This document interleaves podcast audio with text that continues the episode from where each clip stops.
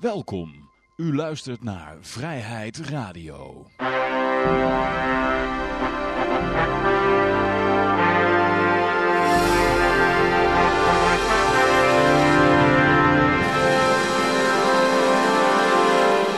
Ja, dames en heren, jongens en meisjes, dit is weer een nieuwe aflevering van Vrijheid Radio. Leuk dat u luistert. We zitten hier gezellig in Café Libertaria met op dit moment Klaas en Peter en mijn naam is Johan. En uh, we beginnen met uh, goud, zilver, de bitcoins en de staatsschuldmeter. Uh, we beginnen even met, nou laten we beginnen met de bitcoin. Die staat op dit moment in eurotjes op 4716 eurotjes. Hij is weer een beetje aan het stijgen. een week geleden was het nog 4500 euro. Dus het is toch maar 200 eurotjes omhoog gegaan. Ja, en uh, ja, daar hebben we de staatsschuldmeter, die is, uh, nou, vorige week was hij uh, bijna 401 miljard in het rood. En nu is het ook bijna 401 miljard in het rood. Alleen is het met 200 miljoen omlaag gegaan. Goed, goud en olie? goud is 1276 dollar. Die kreeg ja, afgelopen week opeens een klap omlaag. En olie 64 dollar per oh. WTI-vat. Ja. Ja, en de marijuana-index die, uh, ja, die uh, schommelt een beetje net onder de 300 punten. Hij staat nu op uh, 293,75. Ja. goed, dan gaan we naar het nieuws toe. En we beginnen met een crypto berichtje. En dat gaat over Fake Toshi, oftewel Greg Wright. ja, vooral zijn, zijn coin, dus Bitcoin Cash fork Satoshi's Vision die is nou gedelist bij een heleboel beurzen. En dat ligt een beetje aan het gedrag van uh, Victoshi zelf. Wat heeft hij allemaal uitgespookt? Ja, hij beweerde op een gegeven moment dat hij Satoshi Nakamoto was. Nou ja, daar haalden een aantal mensen hun schouders over op. Maar nou, gaat, nou is hij zelfs zover dat hij uh, die mensen wil gaan aanklagen die ontkennen dat hij Satoshi Nakamoto is. Ja, ja. En uh, ja, dan zie je dus mooi hoe dat hoe anarchisme dan in zijn werk gaat. Dat er gelijk allerlei beurzen kraken en Shapeshift en um, ja, nog een paar andere. Die zeiden gelijk van uh, ja, als hij zo lastig gaat doen, dan uh, gooi je hem er gewoon helemaal af. Ja, ja precies. En uh, ja, dat is op zich wel een mooie, mooie reactie natuurlijk. Dan zie je dat als je je slecht gedraagt en je gaat mensen met geweld lastigvallen, wat het eigenlijk is als je een rechtszaak aanspant over hoe ze jou, hoe ze jou willen noemen dan, uh, ja, dan willen mensen niks meer met je te maken hebben en dan is je munt snel niks meer waard. Uh, ja, hij is nog niet echt gekelderd, hè? Het is uh, iets, nee, iets ik kreeg een, deuk, een deukje, maar nog niet echt omlaag. Mensen kunnen hem ook niet meer verkopen nu, hè? dat, is, dat is het. Nee, ik weet niet of er nog beurzen zijn waar die... Meestal zegt CoinMarketCap dan wel welke... Ik geloof dat het binnen twee weken is of zo. Ja, ja. Bij sommigen in ieder geval. Dus ja. uh, die zeggen, ja, je moet er binnen zoveel tijd moet je, moet je er vanaf. Dus dat zal, ja, zal nog even duren misschien. Of er zal misschien sowieso niet veel gehandeld worden, maar... Ja. Er is één iemand die geloof ik nog wel vierkant achter hem staat. Uh, die heet Aire, hoe heet hij nou van de voornaam? Uh, Kelvin Aire. Ja, ik weet verder niet wie dat is, maar uh, nee. het, het, schijnt een naam te zijn in de cryptowereld. Ik ken ze niet allemaal hoor, dus... ja, er zijn zoveel namen eigenlijk dat hij uh, die delisting, ik, ik, ik, geloof dat sommigen maakten er ook een poll van. Ja. En uh, ja, dat, eigenlijk komt het gewoon op neer, die poll. Want ja, waarom zou je poll doen? Hè? Maar dat, in principe kan dat natuurlijk. Maar ja, wat zegt dat? Dan heb je een poll op een of andere online media platform. En dan gaan de mensen die daar dan toegang aan toe hebben en zin hebben om aan mee te doen, zouden dan bepalen. Maar in ieder geval, ik, ik, ik had het gevoel, dit ging er voornamelijk om van wie heeft zin om Craig Wright te fucken? Nou, dat uh, zijn heel veel mensen. heel ja, veel. Ja, en, en, en, dat is eigenlijk het enige wat er aan de hand is. Want ik, ik heb het wel gevolgd en er zijn mensen die uh, zijn zo uh, heilig aan het geloven in die Bitcoin Vision. Ja, die zien allemaal conspiracies over doelen die mensen dan hebben. Ze, ze zijn bang voor de echte Bitcoin en ze willen met hun scams doorgaan. En uh, dat is de reden waarom dit wordt gedaan. En ja, ik, ik ben persoonlijk van mening dat hij is gewoon niet leuk. En hij is te weinig nuttig voor veel mensen. Dus ik denk dat heel veel mensen zijn onverschillig over Craig Wright. En er is ook een degelijke groep mensen ja, die vinden hem gewoon niet leuk. En die gunnen hem niet het succes. Want ja, er zijn heel veel coins uh, die, uh, waar je vraagtekens bij kan zetten. En ik denk dat Bitcoin uh, Satoshi Vision nou echt niet de meest twijfelachtige coin is die er bestaat. die, dus ja, als je gewoon heel objectief naar de kwaliteit van coins zou kijken, ja, dan zou die, denk ik, ja, ik zou, ik zou heel graag hele grondige bewijs willen zien dat Bitcoin Satoshi Vision nou echt de ergste, slechtste coin is die je maar kunt bedenken die zeker niet gelist mag worden. Maar, is dat eigenlijk een coin, weet jij dat toevallig, waar helemaal niks aan veranderd is? Want je kan zeggen Bitcoin Cash, die hebben de blok groter weer groter gemaakt. Uh, Bitcoin Satoshi Vision, die heeft gigantische block sizes. Ah, hebben, er zit een hele, wat, wat, is er dan Satoshi Vision aan volgens hem? Uh, nou, hij is Satoshi. Dus. wat ja. zijn visie is... Het verschilt functioneel in helemaal niks van, de, van Bitcoin Cash? Of, uh... Nou, je kon toch echt alles op die, die blokken van van SV gooien. Ja, klopt. En zij uh, hebben daar... Uh, Complete encyclopedie en zo. Ja, uh. voor de grap werd wel gezegd, ze willen zeg maar, internet wordt een, zeg maar een, een app voor Satoshi Vision's Bitcoin.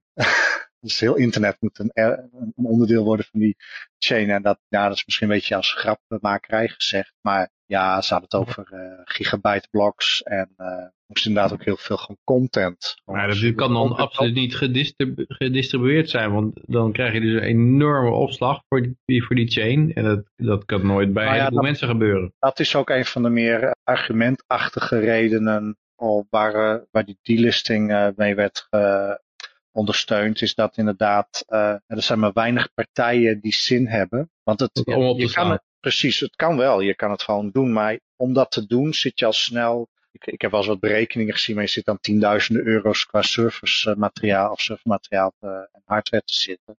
Of uh, zit je aan te denken. Dus ja, er zullen weinig mensen zijn die zin hebben om dat draaiend te houden. Dat zullen alleen de echte gelovigen zullen dat doen.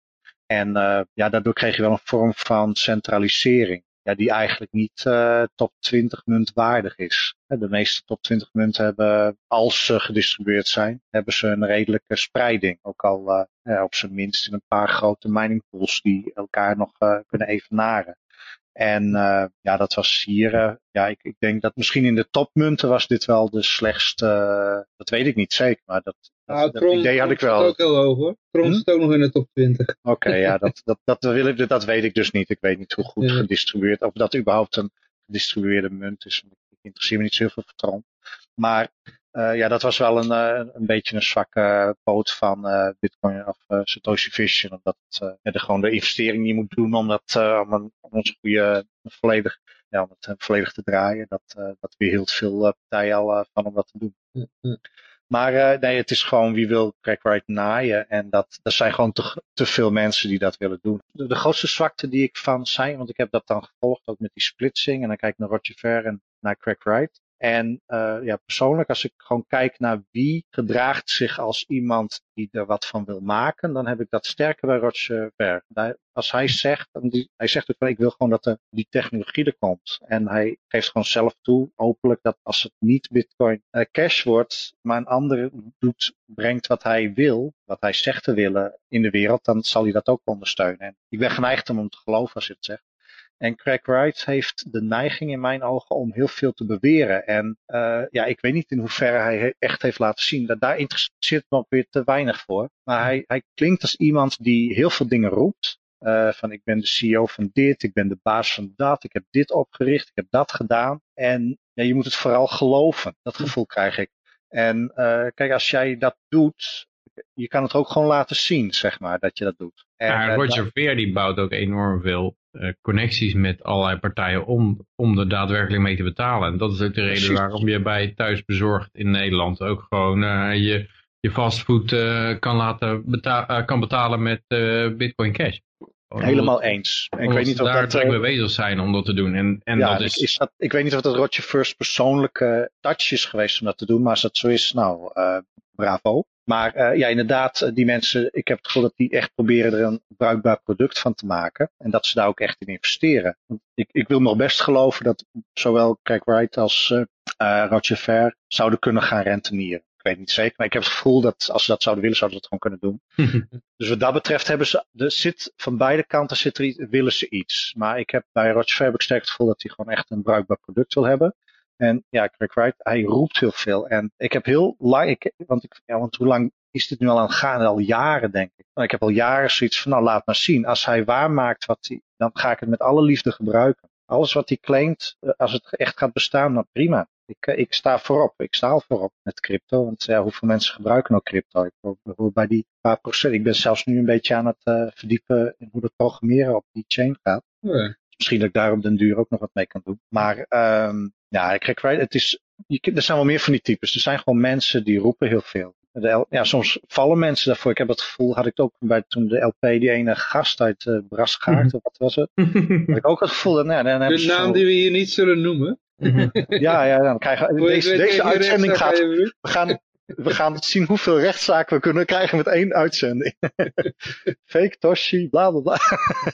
dus, um, nee, ik denk dat, uh, ja, dat soort type mensen zijn er gewoon. En ik denk dat je, ja, je moet gewoon vooral dan kijken naar de daden en niet naar de woorden. En uh, ja, als ik uh, afga op de woorden en de, gewoon de, de, de niet nuttige daden, dus de daden zoals uh, dreigen met rechtszaken, iemand op Twitter. Ik, ik heb er sowieso een hekel aan als mens. Twitter is gewoon, als je wil, kan je er een helhol van maken. Je kan jezelf ja. in een diepe put graven en je met alles slijk en kots van de wereld bedekken, als je maar wilt. En ja, als je daar in, als je in die put gaat zitten en je gaat dan klagen, dan ben je een domme idioot, denk ik. Maar dat is eigenlijk ook wat, wat bitcoin maximalisten, dat heb ik laatst ook uh, gehoord, dat zijn ook van die mensen die, die hebben van die enorme pitbull attack dogs, die gaan dan iedereen aanvallen die zogenaamd de bitcoin naam of de merk of de brand zou ja. stelen. Oh ja, dat, dat, en dat, ja, dat is, gaat zo van eh, weinig kracht uit. Eh, je, je zit niet je eigen product te verbeteren en hopen dat iedereen het gaat gebruiken. Nee, je gaat alleen maar anderen aanvallen in de hoop dat jij dan de last man standing bent. En dat ze allemaal ja. wel naar jou toe moeten komen. Zo. Ja, en, en de grap is dat dat nou precies niet is wat die technologie voorstaat. Nee. Die technologie staat gewoon voor van wie er investeert, die, uh, die mag stemmen. En uh, wie het gebruikt, ja, wat wordt gebruikt, dat blijft bestaan. En uh, ja, die mensen die er inderdaad van alle kampen mee zo op die manier mee bezig zijn, dat, dat zijn in mijn ogen zijn het allemaal idioten. Uh, ja. Je kan gewoon, gaat het product gebruiken. Uh, dat vind ik ook wel fijn. Dat, ja, Roger Ver wordt ook door veel mensen uitgekotst. Maar inderdaad, ik zie hem wel af en toe daadwerkelijk ja, op eigen initiatief afreizen om dat product bruikbaar te maken voor mensen. Nou, dat vind ik geweldig, mensen die dat doen. Dus als Craig Wright over een paar jaar uit het slijk kruipt en die gaat uh, met al zijn patenten die hij beweert te hebben, uh, een, uh, een, nuttig product op de wereld zetten. Ook al moet ik ervoor betalen, maar ik duid, maar het is nuttig en ik wil het. Nou, dan top, kudos, dan gaan we dat doen. Maar ik vermoed het niet. Ik, ik heb heel sterk het vermoeden dat hij een bruller is. En ja, het zou me niks verbazen als er nooit wat uitkomt. En uh, ja, dat, van die bitcoin, dat is hetzelfde. Die mensen ook. Ik, ik, ik heb toch hele sterke twijfels sowieso bij Bitcoin Core. Met uh, wat ik die developers hoor uh, roepen op Twitter. Over hoe gezellig ze denken over centralisatie en, en, en, en inflatie en dat soort dingen. Dus ik, ik, ik denk dat er uiteindelijk, als er in de wereld ruimte is voor de technologie van blockchain, en uh, als er een use cases zijn die mensen echt uh, ja, vrijwillig gaan gebruiken, dat iets kan groeien. Ja, ik, ik denk dat dat dan uh, dat heel goed mogelijk is dat het uiteindelijk niet bitcoin wordt.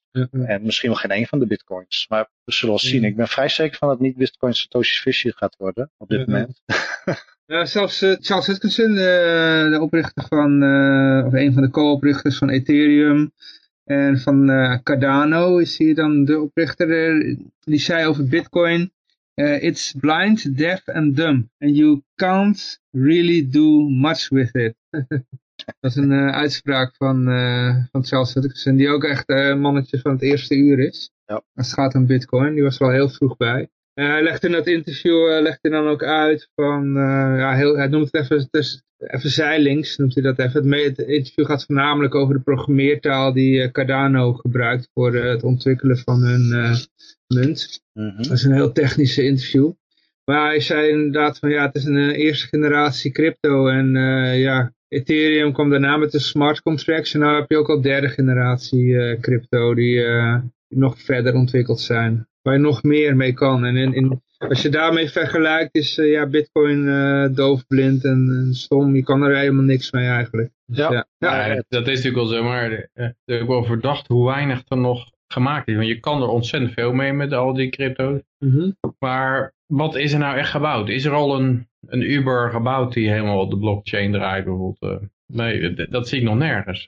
Dus uh, Mhm. moeten ze een keer ophouden volgens mij met van die eh, nieuwe crypto's met, en eh, dingen te maken. En ze moeten beginnen met applicaties bouwen. Nou, die, je hebt ze wel hoor, maar je, je hebt eh, heel veel op Ethereum zijn heel veel, eh, al heel veel dingen eh, ontwikkeld daarop. Maar het zijn voornamelijk eh, ja, van die projectjes. eh ik weet niet Klaas of jij er een paar kent? Nou, wat ik denk ook, wat een probleem is, is dat je, je komt al snel in het terrein dat je weer op problemen gaat stuiten die je hebt opgelost. Op zich is het idee om eh, gewoon heel veel on-chain te gaan doen, is niet een raar idee. Omdat eh, de bitcoin, of, ja, bitcoin, om dan naar de slimpele, dove en blinde netwerk te gaan, heeft wel heel duidelijk een probleem opgelost en heeft ook duidelijk heel veel eh, mining power erachter. Wat eigenlijk de, ja, de, de, min of meer de, de grootste garantie voor die stabiliteit is. En wat je krijgt is dat als je andere eh, oplossingen gaat doen die niet een blockchain zijn, dan ga je kijken naar eh, eh, oplossingen die er wat op zitten. En dat is vaak denk ik de uitdaging, want je wil het toch eigenlijk wel gewoon in die chain technologie. Want dat is die, dat je elkaar niet hoeft te vertrouwen, dat je iets kunt vastleggen, wat niet te veranderen is. Dat is heel mooi. En je, je ziet het ook op Bitcoin zelf. Hè. Dan willen ze niet in die blokken gaan groeien. Maar dan gaan ze voor Lightning Network doen. Maar wat je dan gaat doen, dan ga je eigenlijk weer een stap terug. Dan ga je proberen om met technologie, die er ook al was toen Bitcoin werd bedacht, ga je proberen om toch veilige transacties te maken. Terwijl dat nou net is wat uh, Bitcoin heeft opgelost. Bitcoin heeft iets opgelost, iets heel creatiefs. Want het is heel, heel machtig dat jij gewoon zonder, gewoon met een ander iets, een transactie kan doen die onweerlegbaar vast ligt. Dat is heel, dat is heel bijzonder dat, dat mensen dat hebben kunnen uitvinden. Ja, dat, uh, probeer dat maar eens uit het niets uit te vinden. Dat, het is heel knap dat dat is gebeurd, denk ik, van ons, dat we dat hebben gemaakt. En het is dan heel, uh, ik vind het dan heel verraderlijk als je dan weer teruggaat, eigenlijk een stap terug gaat in de techniek, om dan uh, dingen te gaan oplossen, om het, om, om het creatief te maken. Dus wat dat betreft vind ik dat ergens zit er wel iets in om gewoon die, die technologie van de blockchain te blijven gebruiken. En grotere bloks. Dus niet dat ik nou Satoshi's Vision uh, weer uit het slijk wil trekken. Maar ergens, er moet wel ergens een tussenweg zijn. En um, ja, ik, moet me daar ook meer op inlezen hoor, van die andere technologieën. Maar heel vaak um, bij die nieuwe technologieën is het wel zo goed als de blockchain technologie van Bitcoin zelf. Ja, je, het is heel makkelijk om te zeggen, oh het is ouderwets en bla bla bla.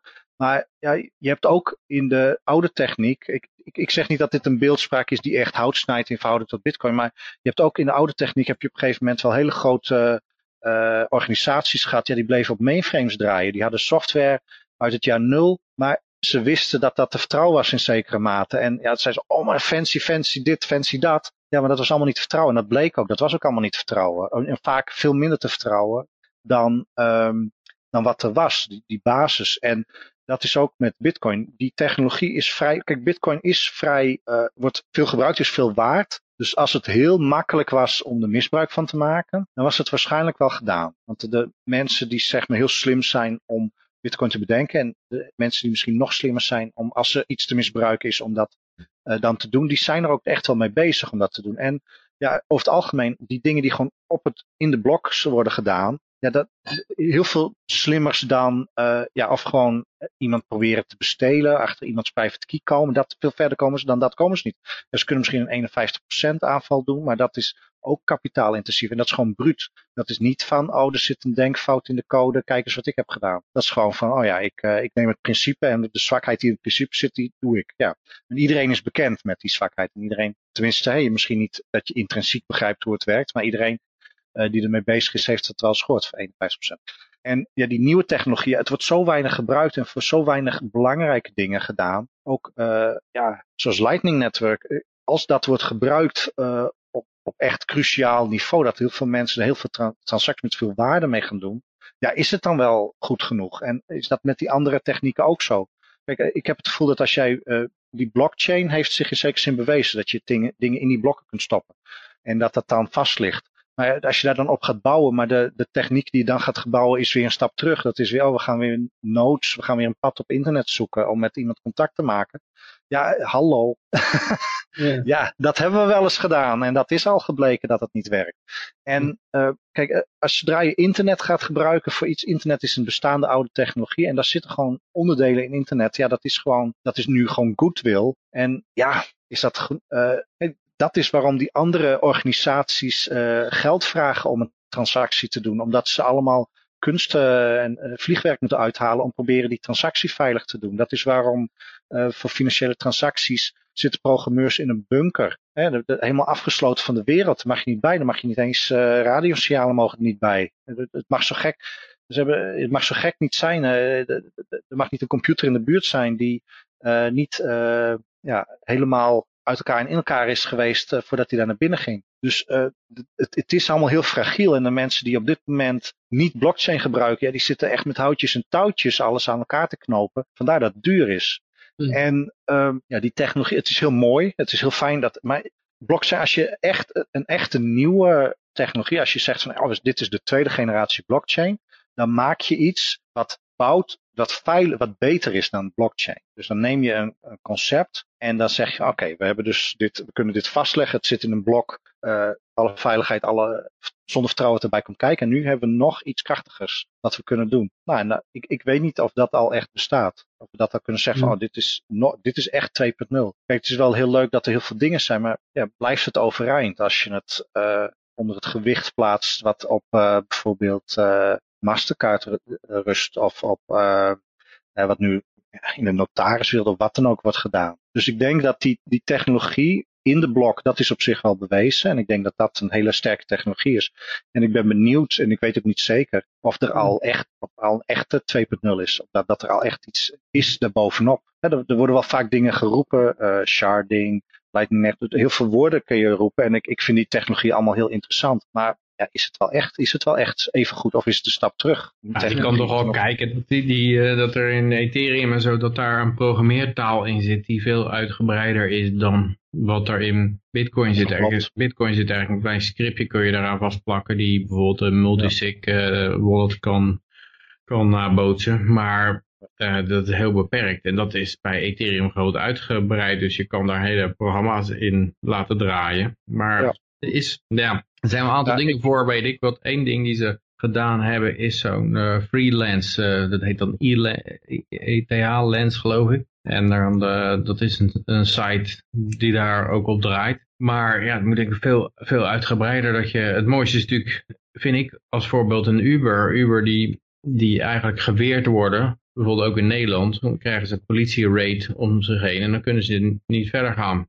Maar je kan het natuurlijk gedistribueerd, als het op de chain draait, dan kan de overheid nergens niemand aanvallen. Dus dan kan je dat helemaal daarbuiten trekken. En dat, dat zou natuurlijk heel mooi zijn. En dat soort dingen heb je meer nodig, denk ik. Eh, een Facebook waar dit niet gecensureerd kan worden. Eh, een Twitter die niet gecensureerd kan worden. Allemaal gedistribueerd zodat je er helemaal geen censuur op hebt. Als je, als iemand jou, als je iemand niet bevalt, dan, dan blok je hem gewoon. Maar er zit geen centrale blokking in. Die... Nee, ik, ik ben helemaal met je eens wat jij zegt. En dat is ook precies wat ik bedoel eigenlijk. En ik ook, maar Klaas, Klaas en Peter, we hebben nog een hele berg berichten. Nee, nee, nee. Ik, ik wil nog even op ingaan. Kijk, want wat je dan krijgt is de zekerheid in die voorbeelden die je nu noemt, is dat het ding in het blok zit. ik ben met je eens, het is natuurlijk veel beter als er een veel creatievere uh, scripttaal aanhangt.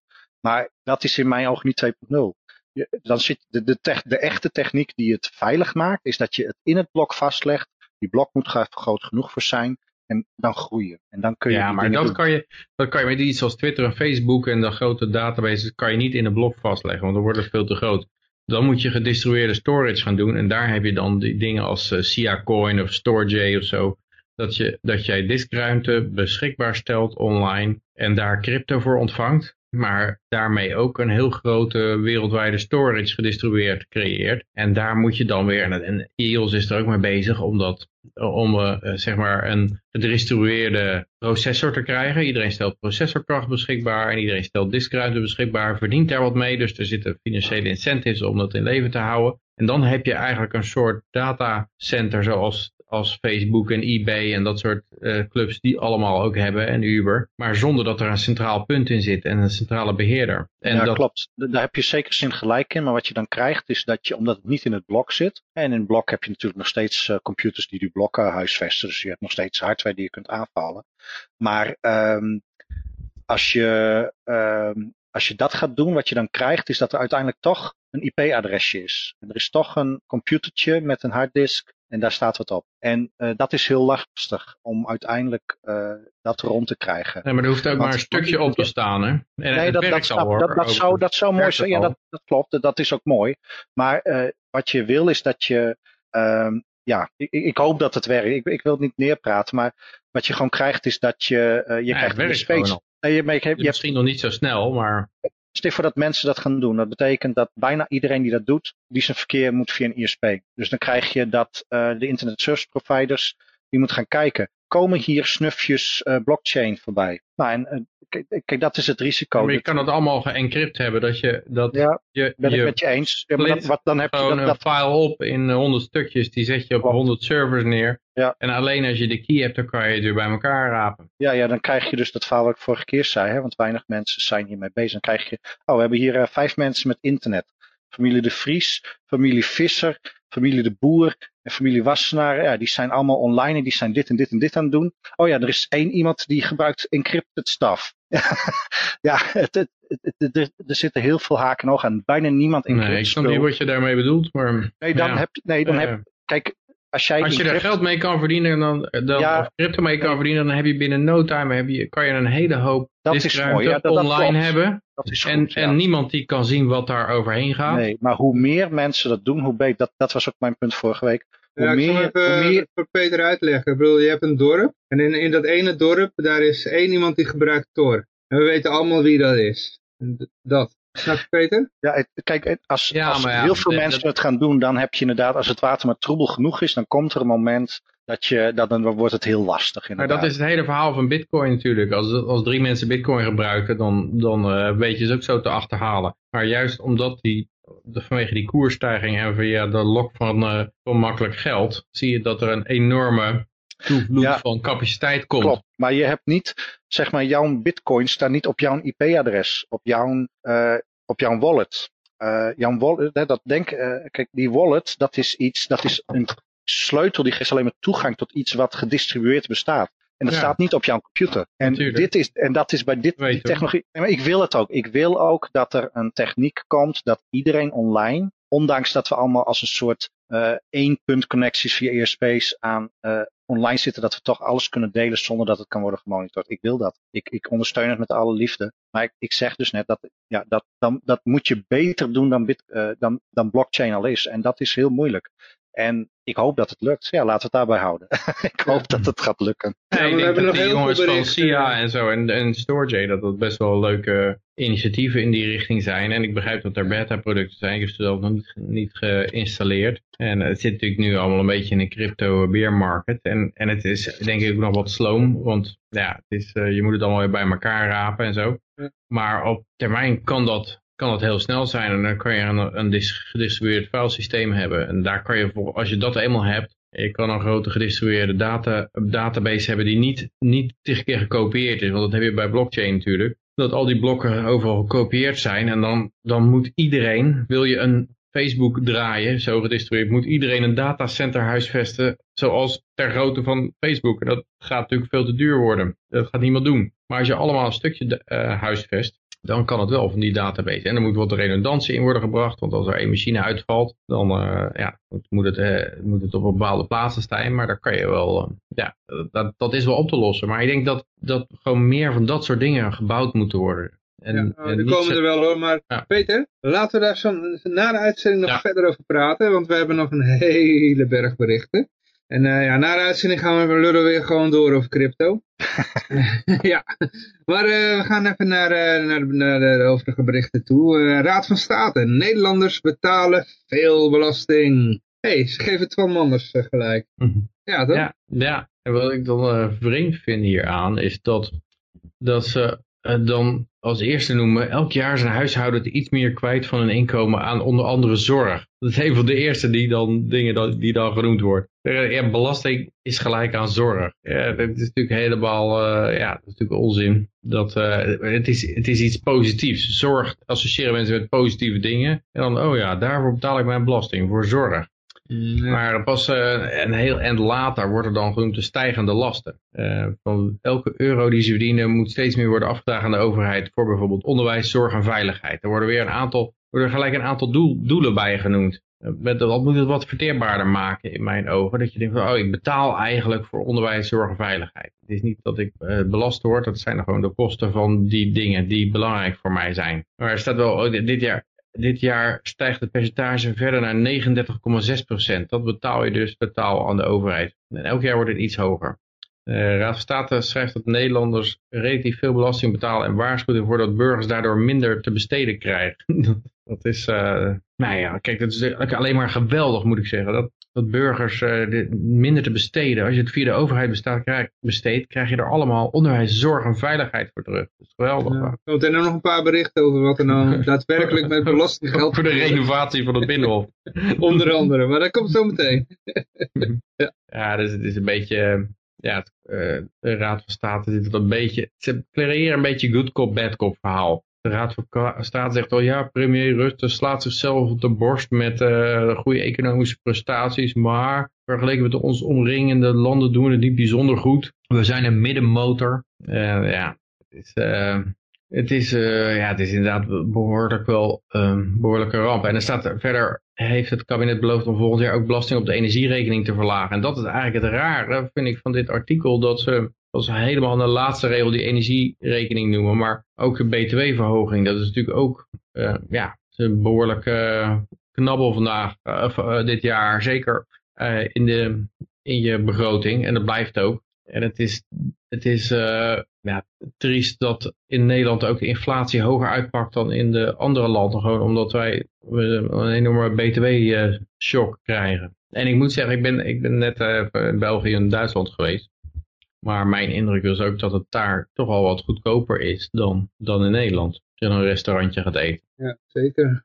Het zijn gewoon allerlei dingen die, die in Nederland uh, met allerlei lasten wordt het gewoon heel duur gemaakt. Er gaat maar uh, een heel klein stukje van je geld naar je biefstuk en de rest gaat allemaal naar uh, onzin eromheen. Ja, de Donald Duck gaat straks ook wat duurder worden, denk ik. Dat komt bij het volgende bericht. In ieder geval de drukker, die, de drukker van de Donald nou, Ik wou nog zeggen, toen jij uh, postte ja, dat uh, Twan Manders krijgt gelijk, dat was namelijk het eerste wat ik las. Toen dacht ik, oh, nieuws over de rechtszaak. Wauw. Raad van State geeft, ja. Van Manders gelijk, ja. maar nee, het was, maar ik snapte wat je zei. Ja. wat ook wel raar is, er staat hier door nu zuinig aan te doen, dan hebben ze het over de overheid, kan worden voorkomen dat burgers straks weer enorme belastingverhoging krijgen wanneer de overheid bij een nieuwe recessie weer minder inkomsten krijgt. Ze gaan erover uit dat de recessie komt en de overheid krijgt minder inkomsten, dan, dan moeten ze dat wel oplossen door meer belasting te heffen normaal. Maar wat ze nu doen is, uh, ze gaan nu, nu zuinig aandoen. En er wordt eigenlijk gesuggereerd dat ze een spaarpotje aanleggen. Maar het enige wat ze natuurlijk doen is gewoon die schuld iets omlaag krijgen. Zodat ze be, ja, beneden uh, gemiddeld modale schuld hebben in Europa. En dat betekent dat als die recessie dan komt, dan kunnen zij hun schuld laten oplopen. Ja. En dan staat er ook al, is de verleiding groot om nu leuke dingen te doen met het geld. Er is eigenlijk helemaal geen geld, ze staan nog steeds in het rood. Maar het is zo, zo triest dat de overheid gewoon zegt, ja wij moeten altijd dezelfde hoeveelheid geld ophalen. En uh, ja, als, we dan, als er dan een recessie komt en er komen minder belastingen binnen omdat mensen werkeloosheid worden. Nou, dan gaan we gewoon uh, de lucht belasten die ze ademen, zodat we weer uh, hetzelfde binnenhalen. Dat, ook de schrijver van dat artikel is er eigenlijk mee akkoord. Dat de belastingen omhoog moeten als er een recessie komt. Dat natuurlijk onzin is, want dat betekent dat, dat je alleen maar een zwaardere recessie krijgt. Ja, maar uh, ja, de Donald Duck, hè? De, de drukker van de Donald Duck, dat is uh, Rovo Smeets, mocht je hem kennen. Dat is uh, de man die, of de drukkerij eigenlijk, die de Donald Duck iedere week uit de pers laat rollen. En hij heeft ook nog andere bladen onder zijn hoede. En zoals de, de libellen en de quotes. Die ja, heeft een probleem. Dus het probleem is de wet werk en zekerheid. ja. wat, wat betekent werkloosheid en onzekerheid eigenlijk. Ja, ja, ja. Uh, blijkt hier wel meer. Dat, ja, zeker. Dit artikel blijkt dus wat, uh, wat die wet allemaal doet. Nou, leg jij maar even uit, Peter. Nou ja, er is, eh, dat, dat was altijd al in Nederland, dat er, als, je, als een bedrijf mensen wil ontslaan, dan moeten ze die een transitievergoeding meegeven. En ja, dat betekent eigenlijk, ja, zo'n ontslagvergoeding, een gouden handdruk, een gouden voet erop. Je krijgt hier wat geld en uh, ja, dan, dan bij je dan eh, heb je wel tijd om te, geld om te overbruggen naar je volgende baan. Nou was dat al in Nederland al, vrij hoog. En maar in sommige landen was het nog hoger. nog wel een verhaal van oud-collega's in Spanje. Die waren gewoon helemaal stond te juichen dat ze ontslagen werden. Want die zouden dan drie jaar lang geld, uh, of drie jaar salarissen meekrijgen. Maar ja, dat is allemaal afgeperst van het bedrijf. Dus dat betekent, ja, je kan wel zeggen, ik heb daar recht op, joepie joepie. En het bedrijf wordt gedwongen die drie jaar salaris te betalen. Maar wat, wat dat tot gevolg heeft, dat, dat geen enkel bedrijf meer gaat investeren in zo'n land.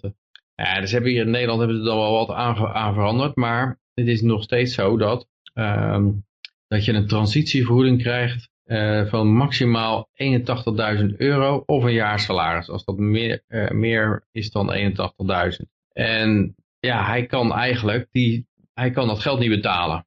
Wat hij eigenlijk zou willen doen, dat is bijvoorbeeld, hij zegt dit, het volgende. Stel, ik doe een drukmachine weg, waarbij tien, waar tien banen aan vastzitten. Dan neem ik dus afscheid van tien man personeel. Door de transitievergoeding duurt het minstens een jaar voordat ik zo'n beslissing heb terugverdiend. Dus hij zegt eigenlijk kan ik niet mijn producties terugschalen. Als ik tien machines heb staan, dan kan ik er niet eentje wegdoen, want dan moet ik tien man ontslaan en dat kost me zoveel geld.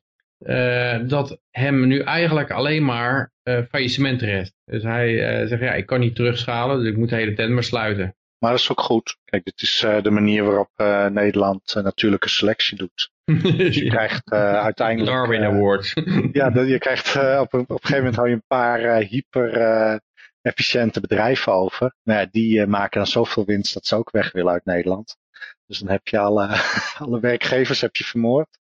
En uh, de overgebleven hele efficiënte werkgevers die uh, vertrekken ook. En dan, uh, ja, dan heb je precies wat je wil. Dan heb je land kapot gemaakt. Mm. Ik denk dat dat, dat is het doel. Ik, ik weet niet wat het doel is. Misschien is het doel veel simpeler van, ja, we willen gewoon nu, nu wij aan de macht zijn, willen wij in. Wie na ons komt, dat is een zorg. Maar, nou, ze zeggen natuurlijk altijd dat ze de werknemer willen beschermen. Want nou, die, die moet ontslagbescherming. Ja. Enorme barrières zijn er in Nederland opgeworpen tegen ontslag. Ook als, als mensen ziek worden moet je ja. twee jaar lang doorbetalen hun salaris. Je mag ze niet vervangen. Uh, nee. Dus er zit, er zit een heleboel ellende aan het aannemen van personeel. Wat, wat ertoe leidt ja. dat mensen liever geen personeel aannemen. Nee, precies. Nee, maar dat, is, dat krijg je. Je krijgt allemaal dingen die lijken oplossen, zeg maar, uh, probleemveroorzakende en uh, oplossingen. in gang houdende zaken, die worden zeg maar als oplossing aan je verkocht. En dat klinkt natuurlijk heel goed. Kijk, als jij uh, een idiote stomme maatregel als uh, ontslagbescherming verkoopt, ja, dat klinkt gewoon goed. En er zullen ook altijd, kijk, je hebt ook altijd een aantal mensen die er gewoon van profiteren.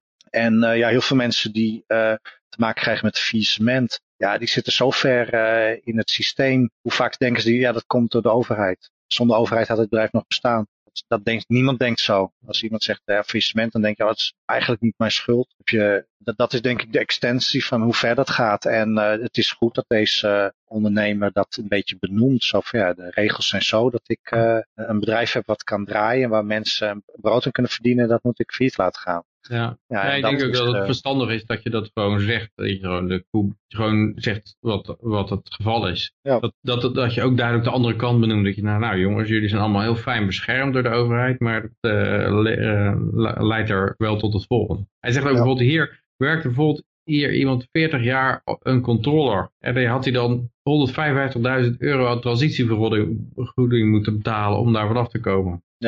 Ja. Dus uh, ja. College, ja, dat zijn gigantische bedragen. En ja, wat je ziet is dat sommige grotere bedrijven, die, dit is misschien ook wel weer ergens een regel, dat, uh, wat, wat ik zei, die natuurlijke selectie, er zijn gewoon bedrijven die dit aankunnen. En dit is gewoon de manier waarop ze hun uh, kleinere concurrenten de, om zeep helpen. Kijk, hoeveel kleine bedrijven die op zich een redelijke uh, insteking qua concurrentiepositie hebben, gaan niet kapot omdat er iemand toevallig een keer ziek wordt of zo. Dat, dat gebeurt gewoon. Dat, er gebeuren gewoon dingen met kleine bedrijven zeggen, oh, dit is gebeurd met een werknemer en nu, uh, ja, nu moet het hele bedrijf dicht. Dat gebeurt gewoon, dat soort dingen. En er zijn ook grote bedrijven. Er zijn genoeg grote bedrijven of overheidsinstanties waar mensen werken en waar je eigenlijk niet kan worden ontslagen. Nou ja, dan, dan, dan wordt zo'n regeling wordt gebruikt van, uh, om, om je te laten bloeien en groeien. Van ja, we willen nieuwe mensen in deze supergoed betaalde fantasiebanen hebben. Dus uh, ja, een aantal mensen moeten er ergens anders naartoe. En dan krijg je gewoon dat mensen die bij de overheid werken, die krijgen ook die 155.000 euro niet omdat die uh, drukmachine wegging. Nee, maar ze willen gewoon iemand anders in die baan hebben. En dat, ja, dat wordt toch uh, door anderen betaald, dus waarom niet? Dus, en dat, daar, daar bestaan die regels uit. Het is om, zich, om gewoon bepaalde vriendjes intern helemaal dik te mesten. En het is uh, ja, gewoon ook grote bedrijven die, die varen hier wel bij. Het zijn gewoon bedrijven die zeggen, oh 155.000, prima. Ik heb net uh, drie uh, concurrerende bedrijven opgekocht voor een omdat die dat niet konden betalen. Dus ik kan jou best 155.000 betalen. Zo gaat het. Er zijn ook gewoon bedrijven die op dit moment uh, in die drukkerswereld zitten. Nou, dat zijn zeg maar de, de lijkenvreters. En die zitten lekker zichzelf vet te mesten met al die lijken die ontstaan door dit soort regels. Ja, het is wel een beetje zo en dat geeft hij ook wel toe zeg ja, die drukkerswereld is een beetje een klinkende toestand. Omdat er natuurlijk heel weinig, steeds minder met papier gedrukt wordt. en steeds meer online. Ja. Maar dan zou het fijn zijn als u gewoon geleidelijk aan kon terugschalen natuurlijk. En dat is niet het geval hier. Als je, als je een beetje, dat, beetje terugschaalt, dan uh, word je gelijk de... En, en FNV zegt hier ook over, de FNV-bestuurder Bernard von Ieren is het niet met Haas eens. Met alle respect, maar Roto Smeets is al tien jaar aan het reorganiseren. Dat heeft niet geleid tot meer winst maken, zegt hij. Werknemers zijn in de jaren een heel mager sociaal plan vertrokken. Als je nu 200, 400 man eruit had gezet, had dat Roto Smeets gered. Dan waren het, was het faillissement twee jaar uitgesteld. Hij zegt eigenlijk dat hij liever heeft dat de hele zaak uh, uh, bankroet gaat en dat mensen helemaal niks krijgen, dan dat ze twee jaar een baan nog hadden gehad en dat het en twee jaar de tijd hadden gehad om uh, iets anders ja, te zoeken. Precies. Ja, ik vond dat stuk, dat vond Dat zijn nou mensen van de MWV. Ja, ja, precies. Dat zijn echt walgelijke dingen, vind ik. Dat, dat, dat stond me echt heel erg tegen toen ik dat las. Dat is zo'n iemand die, ja, ga maar met gewoon feed. En dat is het punt ook. Dat is wat bedoel ik met die lijkenvreters die mensen die interesseert het geen hol. Er zijn gewoon grotere bedrijven die dit kunnen trekken. Nou, die, die, die eten met alle liefde de, de, de lijken op die hier achterblijven. En dat er allemaal mensen ja, inderdaad langer uh, hadden kunnen werken, slangen om zich heen hadden kunnen, dat interesseert ze niet. Ja, de overheid is altijd geïnteresseerd in um, klein, een klein aantal grote partijen. Ja. Omdat dat een, die, die concentratie, en daar, daar is alle regelgeving altijd op, op gericht om te zorgen dat je maakt regelgeving zo zwaar dat de kleine partijen afvallen en opgaan in grotere partijen. En die grote partijen die kan je makkelijk controleren, de overheid. Die kunnen ook uh, jou helpen om uiteindelijk dat meer van dat uh, geld van de belastingen in jouw eigen portemonnee te krijgen. Kijk, uh, zo'n klein bedrijf, de Donald Duck drukkerij, die kan wel uh, bij een politicus gaan leuren voor uh, gunstige regelingen, waarbij die zelf een lijkenvreter kan worden. Maar die heeft gewoon niet zoveel te bieden, want zo'n heel veel van die politici en vriendjes en aanverwanten, lieden die bij zo'n partij zitten, ja, die willen niet voor de Donald Duck drukkerij werken, die willen bij die grotere drukkerij werken, die wel uh, van die mooie transitievergoedingen kan geven. Als jij op je zestigste nog even een jaartje consultancy gaat doen. Maar wacht even, laat er geen misverstand over staan wat die grote bedrijven doen. Die gaan natuurlijk kijken voordat een bedrijf als, uh, ja, weet ik veel, Motorola of zo investeert in Nederland. Dan zeggen ze, ja, wat, wat ben ik aan transitievergoeding kwijt als ik van iemand af wil? Want die hebben natuurlijk al vaker met dat bijltje gehakt. Dus die weten, uh, nou, je bent bijvoorbeeld een jaarsalaris kwijt. Nou, dan zeggen ze, nou, onze gemiddelde levensduur van een buitenlandse investering is iets van zeven jaar. Dus dan uh, geven we mensen gewoon een zevende minder salaris en dan sparen we dat voor hun transitievergoeding aan het eind. Want ja, dat, dat, die, die rekenen dat wel uit en die hebben ook de, genoeg ervaring daarmee om, om alle ins en outs van dat soort regels goed te kennen. Maar een, blijft overeind dat een, overheid doet liever gewoon zaken met, met een paar kleine partijen dan met een hele grote groep katten, zeg maar. Herding cat zeggen ze wel zoals grapje. Het is gewoon heel moeilijk een hele grote groep kleine frietboeren uit de, uit de melken. Die allemaal in contant geld kunnen afrekenen en bonnetjes en allemaal kleine... Je, je kan het niet controleren. Terwijl als je één grote keten hebt, nou, dan ga je gewoon, de, uh, je stuurt je controllers er naartoe en die gaan de boeken doorneuzen. En ja, het is veel makkelijker onder controle te houden, zo'n kleine partij. Je kan, je kan ook makkelijk persoonlijk de CEO onder druk zetten. Ja. Dus ja, dat, uh, dat, daar hebben ze de voorkeur voor, ja. We doen net alsof dit een kleine drukker is, maar ik bedoel, ze hebben wel de Donald Duck, de libellen, de, de quote. Lijkt me nog geen klein drukkerijtje, toch? Nee, maar hij zegt wel zelf aan dat het een, een kleine, kleinere markt is. Ik denk ook niet dat het haalt bij, bij uh, kranten en zo. Dat zijn ja, denk ik toch wel heel, heel groot, een heel stuk grotere uh, initiatieven of heel ja. grotere bedrijven. Maar... Het is niet uh, de drukken van de stembiljetten in ieder geval of de examens. Dus. Ja, ja. Er zullen vast wel grotere partijen zijn. Ja, dat wel, ja. Ja, ja want die oplages, dat gaat ook gigantisch achteruit hoor. Ik, weet, ik weet niet, ik, ik weet uh, nog wel, toen ik zelf wat in die wereld zat, dat was in 99. Nou, toen was de oplage soms van een, het was nog een bel, toen waren er nog redelijk wat tijdschriften. Dan had je nog wel eens een sectie met tijdschriften her en der in een winkel. Uh, veel meer dan nu. Maar een grote, een grote naam of zo, die had dan soms 5000 oplagen. Ja, dat en zoiets als libellen ook, dat is een oud ouder, uh, ouder iets, denk ik. Ik denk niet dat er heel veel jonge vrouwen nog libellen lezen. ik heb wel eens het, uh, Ik zie het nooit ergens liggen. Volgens mij was dat een van de grootste bladen. In een, zeker in die categorie. Dus even kijken of we dat kunnen vinden. Ik zag net 300.000. Maar, maar dit, net zie ik geloof dat Tom Manders zei dat een keer van elke twee, stemmen, twee mensen die doodgaan, stemt er één CDA of zo. Ja, dat, ja, dat is natuurlijk de, de, doodsteek voor. En, dat, en denk van ook twee mensen die doodgaan, leest de, leest de ene libella. Dus. Ja. nou, het is wel drastisch, hè? want toen in 99, 2000, toen hadden ze 640.000 uh, libelle abonnees. En nu is dat 256. Mm. Je ziet dat inderdaad per jaar gaat het echt met tienduizenden naar beneden. Mm. Dus dat is wel, uh, ja dat zijn echt wel, dat krimpt gigantisch. En ik denk dat er weinig tot geen tijdschriften zijn die dat, die dat die capaciteitsverlies opvangen met hun eigen printruns. Mm. Maar ja, het zijn gewoon ontwikkelingen die, die moeilijk tegen te houden zijn uiteindelijk hoor. Ik denk dat uiteindelijk wat het hem toch wel de kop kost. Maar ik denk ook dat, dat boeken het wel moeilijker gaan krijgen. Want, die hebben het al heel lang moeilijk, toch? Ja, maar... Altijd al, toch? Zolang het, eh, de boekdrukkunst is uitgevonden is. Uh... Ja, maar de, het is natuurlijk enorm toegenomen, de boekdrukkunst, vergeleken met de handschrift kopiëren. Ja. Dus er is, dit wel, er is al een hele grote um, boom in geweest. Maar ik denk, nou, ik, als ik naar mezelf kijk, ik, ik had, heb zo'n audioboekenabonnement en dan krijg ik elke, of koop ik elke twee maand twee audioboeken. Maar ik merk gewoon dat ik daar nou niet meer aan toe kom. Omdat je Stitcher hebt met podcast. En er zit gewoon hele goede content in die podcast. Ja. En dat is soms gewoon vaak beter dan de boeken. Dus nou zat ik vandaag weer uh, een, uh, een audioboek te luisteren. De, wat heet het? De Outrage Incorporated. En ja, ik vond het eigenlijk gewoon, uh, gewoon slecht vergeleken bij die podcast. ja, de, ja, dat is... de, het, bij YouTube kan je natuurlijk ook hele leuke content vinden. En je kan gewoon steeds meer gratis content vinden die best wel goed is. Ja. Ik denk dat die boeken daar ook last van krijgen.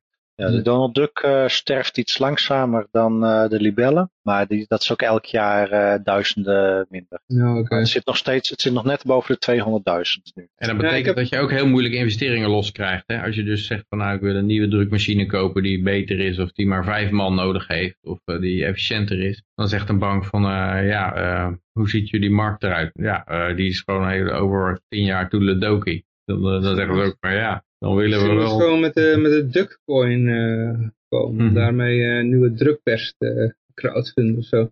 Nee, maar wat ik, wat ik ook afvroeg, van, uh, het kan toch ook gewoon zijn, die drukker die vraagt faillissement aan, omdat dat een makkelijke manier is om van zijn probleem af te komen. Er richt een ander bedrijf op en die koopt die uh, vierde inboedel op. Of tenminste, die koopt de inboedel van het vierde bedrijf op voor een prikkie. En die gaat ja, dan ergens in het buitenland zitten. Ja, dat soort trucken, dat is misschien wel... Te, ja, maar wat je dan krijgt, daar bestaat ook alweer, daar is ook alweer regelgeving voor en ook in de maak. Mm En dat, dat zeggen ze dan van, ja, oh ja, ja, we willen natuurlijk niet dat bedrijf gewoon fiet gaan en dan eigenlijk weer door blijven bestaan. Mm -hmm. Dus volgens mij zijn er al, ik heb dat wel eens gehoord. Ik weet niet of dat al bestaande regelgeving is, of dat daar weer, ja... Ook daar kun je weer omheen, toch? Ja, ik denk dat ze in Nederland uh, gewoon, uh, dat het hele bedrijfs, uh, dat je een bedrijf hebt, moet gewoon mee ophouden. gewoon, ja. je, bent, je bent gewoon van de staat, je werkt voor de staat. En ik denk dat allemaal, dat allemaal onze hand ophouden tot het feed is, die overheid. Nou, ik denk dat het gewoon uh, eenvoudiger wordt als we gewoon naar de overheid gaan, ja, allemaal individueel, maar zeggen, wat, wat wil je dat ik voor jullie ga produceren? dat is, ik denk dat dat, daar, dat, dat, dat, zitten we ook bijna, het is een Mijn beetje grijs. Ja, precies. Wat, wat willen jullie dat wij gaan produceren? Oké, je drukken? Nou, jij gaat dan de druk drukken, jij de libellen. En dan uh, zodat het gewoon allemaal dat, dat gewoon één, één werkgever, ja, gewoon de overheid gewoon één werkgever, allemaal één portemonnee. Dat is denk ik het doel. Kijk, het is al bijna zo. Want heel veel, ja, heel veel van dat geld, ja, wat je doet met de weer, het is, uh, ja, je moet eten, onderdak. Maar al dat geld waarmee je uh, de wereld uh, kan maken zoals jij het wil, dat, dat, gaat, dat gaat aan de overheid. Dat nemen ze als belasting. En uh, ja, dat, waarom niet de volgende stap? Want niemand vindt het erg ook. Dus, bijna niemand uh, wordt libertariër. Ja, ik Sterker nog, uh, libertariërs zijn gekken. Elke keer, je kan zeg maar elke dag kan er wel een bericht over uh, verspilling, corruptie en belastingverhoging in het nieuws zijn. Maar ja, elke dag worden libertariërs zijn gekker dan gek. ik las laatst dat de Japanse centrale bank, die, die is van de tien grootste aan, zit van de 50% van de aandelen in de, in de top 10 houders, bezitters. Dus wat die, die, wat die die nationale bank is gewoon heel het bedrijfsleven aan het nationaliseren. Ja. Wat, ze, wat ze doen is gewoon ze drukken geld en dan kopen ze, ja, eerst kochten ze natuurlijk alleen obligaties, net zoals de westerse centrale banken. Toen gingen ze ook andere dingen erbij doen en net zoals de westerse centrale banken ook, ook over zijn gegaan op uh, hypotheken en uh, al banken enzovoort. En, en in Japan zijn ze gewoon allerlei aandelen gaan kopen. En dan zijn ze overal, van een heleboel bedrijven, zijn ze de grootste aandeelhouder. Mm. Maar op een gegeven moment, als het, als het gewoon doorgaat, dan zijn ze de enige aandeelhouder. Dan heeft de centrale bank, die is dan eigendom worden van de hele economie door gewoon alleen maar, alleen maar geld te drukken. Mm. En dat is eigenlijk een soort nationalisatie, maar uh, communistische stijl, maar dan op een hele, ja, sneaky manier. Ja, maar goed, we hebben nog heel veel berichten liggen. Ik, uh, ik ga nog even uh, verder. Ik heb hier nog fiscus mag gestolen informatie als bewijs gebruiken van AG. Uh, wie is AG? Attorney General, advocaat-generaal. Oké, oké, ja, vertel. Ja, ik, weet nou, ik weet te weinig van de juridische rangorde af. om te weten wat, uh, hoe hoog de advocaat-generaal staat. Klinkt heel hoog, maar het klinkt allemaal heel hoog. Maar het, idee was... Ik, ik, denk dat het iemand is die gewoon 200 km per uur op de snelweg kan rijden en geen boete krijgt. Zonder nummerbord. Zo iemand is het. nou ja, je hebt het zelfs op tv geweest. Volgens mij heeft Peter Vries in het verleden er ook nog wel eens boos over gemaakt. Je had van die hele hoge pipo's bij de OM en zo, die overal maar een auto parkeren op de stoep midden op een fietspad. En dan komt er een, uh, hadden ze een verborgen camera, hadden ze dat opgenomen. Komt er zo'n, uh, hoe dat, zo'n uh, langs. En dan ziet die auto meer op een fietspad staan, die staat half op het fietspad, half op de stoep. Voor het gebouw van het OM. En, dat is, dan ziet hij ook, oh ja, die auto heeft net nog 200 km per uur gereden. Oh, wacht even, dat nummerbord? Ah, en dan loopt hij gewoon weer door, weet je wel. staat in mijn uh, database als onschendbaar, untouchables. Ja, ja. ja, het is de maffia, dus dan de untouchables, dat past er ja. mooi bij, ja. Ja, vertel, wat heeft hij allemaal geflikt? Nou, waar het ooit mee begonnen is dat de Belastingdienst uh, gestolen gegevens heeft uh, gekocht van oud-werknemer van een Luxemburgse bank. En dan kwamen ze erachter dat er bijvoorbeeld een Nederlander daar een rekening had. En dat was een vermeende zwartpaarder. En zijn erfgenamen, die hebben dan uh, geld gekregen zonder dat uh, daar belasting over betaald is. En nou was er eerder het Hof, ik weet niet wel wat die dan voor functie hebben, maar het Hof zei dat dit niet kon. Want het werd een soort heling, de overheid zou een soort heling zijn als ze gestolen materiaal kopen. Ja, en dat, wat, waar ze wat duidelijk hadden kunnen weten dat dat gestolen was. En daar gaat die AG nou overheen, die kennelijk hoger is. En die zegt, dat, uh, nee, dat, uh, dat is helemaal rechtmatig dit. En het is geen, ge, geen schending van het zorgvuldigheidsbeginsel. en, ja, dat is natuurlijk, gaat om het geld. En conclusie is dus dat de Belastingdienst het gestolen bewijs mag gebruiken als bewijsmiddel en dat de navorderingsaanslagen in stand kunnen blijven. Omdat de fiscus niet actief op zoek is gegaan naar bewijsmateriaal bij buitenlandse banken. Ja, als het natuurlijk om een eigen geld gaat, dan zal het zo voor de rest allemaal al worst wezen. Dan uh, is het inderdaad, wij parkeren onze auto ook uh, na met 210 uh, te hebben gereden op, op het fietspad. Dus ja, fuck you. Dat is het eigenlijk. Ja, wees dan boven de wet. No. Ja. Ja, er staat in Bulgarije ooit uh, een pief, die was eerst uh, bekend geworden door het voetbal. En die had op een of andere manier via connecties uh, had hij een, ja, was hij wel nog wat verwikkeld bij de nieuwere machthebbers na de val. En die had geregeld, want ja, op een of andere manier die registratie met nummerborden, dat, kijk, dat uh, kunnen ze misschien, uh, zo'n uh, politie in Nederland, ja, die krijgt misschien een signaaltje van nee, deze niet. Of dat wordt daar onderschept. En Bulgarije gaat het allemaal nog gewoon met de hand. En gewoon dan komt zo'n persoon naar zo'n auto toe. En hm. of die, ja, die ziet niet, weet niet dat je er langs moet. Dus die had het zo geregeld, die had een zwaailicht gekregen. Oké. Okay. dus gewoon een burg. Maar dat ding, dat had hij gewoon altijd op. Overal waar hij reed, dat hele land hadden met het zwaailicht aan. Van, ik moet er langs. met sirene maar niet, maar niet een sirene. Jawel, sirene en zwaailicht. Oh, maar dat is wel irritant. Als je steeds een sirene in je auto hebt. Dan... Ja, weet ik niet. Dus, maar hij had in ieder geval zo'n ding. Ja, zijn house muziek nog harder staan. en, maar dat, dat, dat, dat, dat werd hem niet in dank afgenomen. Ja, dat is in, was in Rusland, in Rusland heel erg zo tijdens die, die overgang naar dat communisme. Dat er inderdaad enorm veel zwaailichten verkocht werden. Dat was al bekend.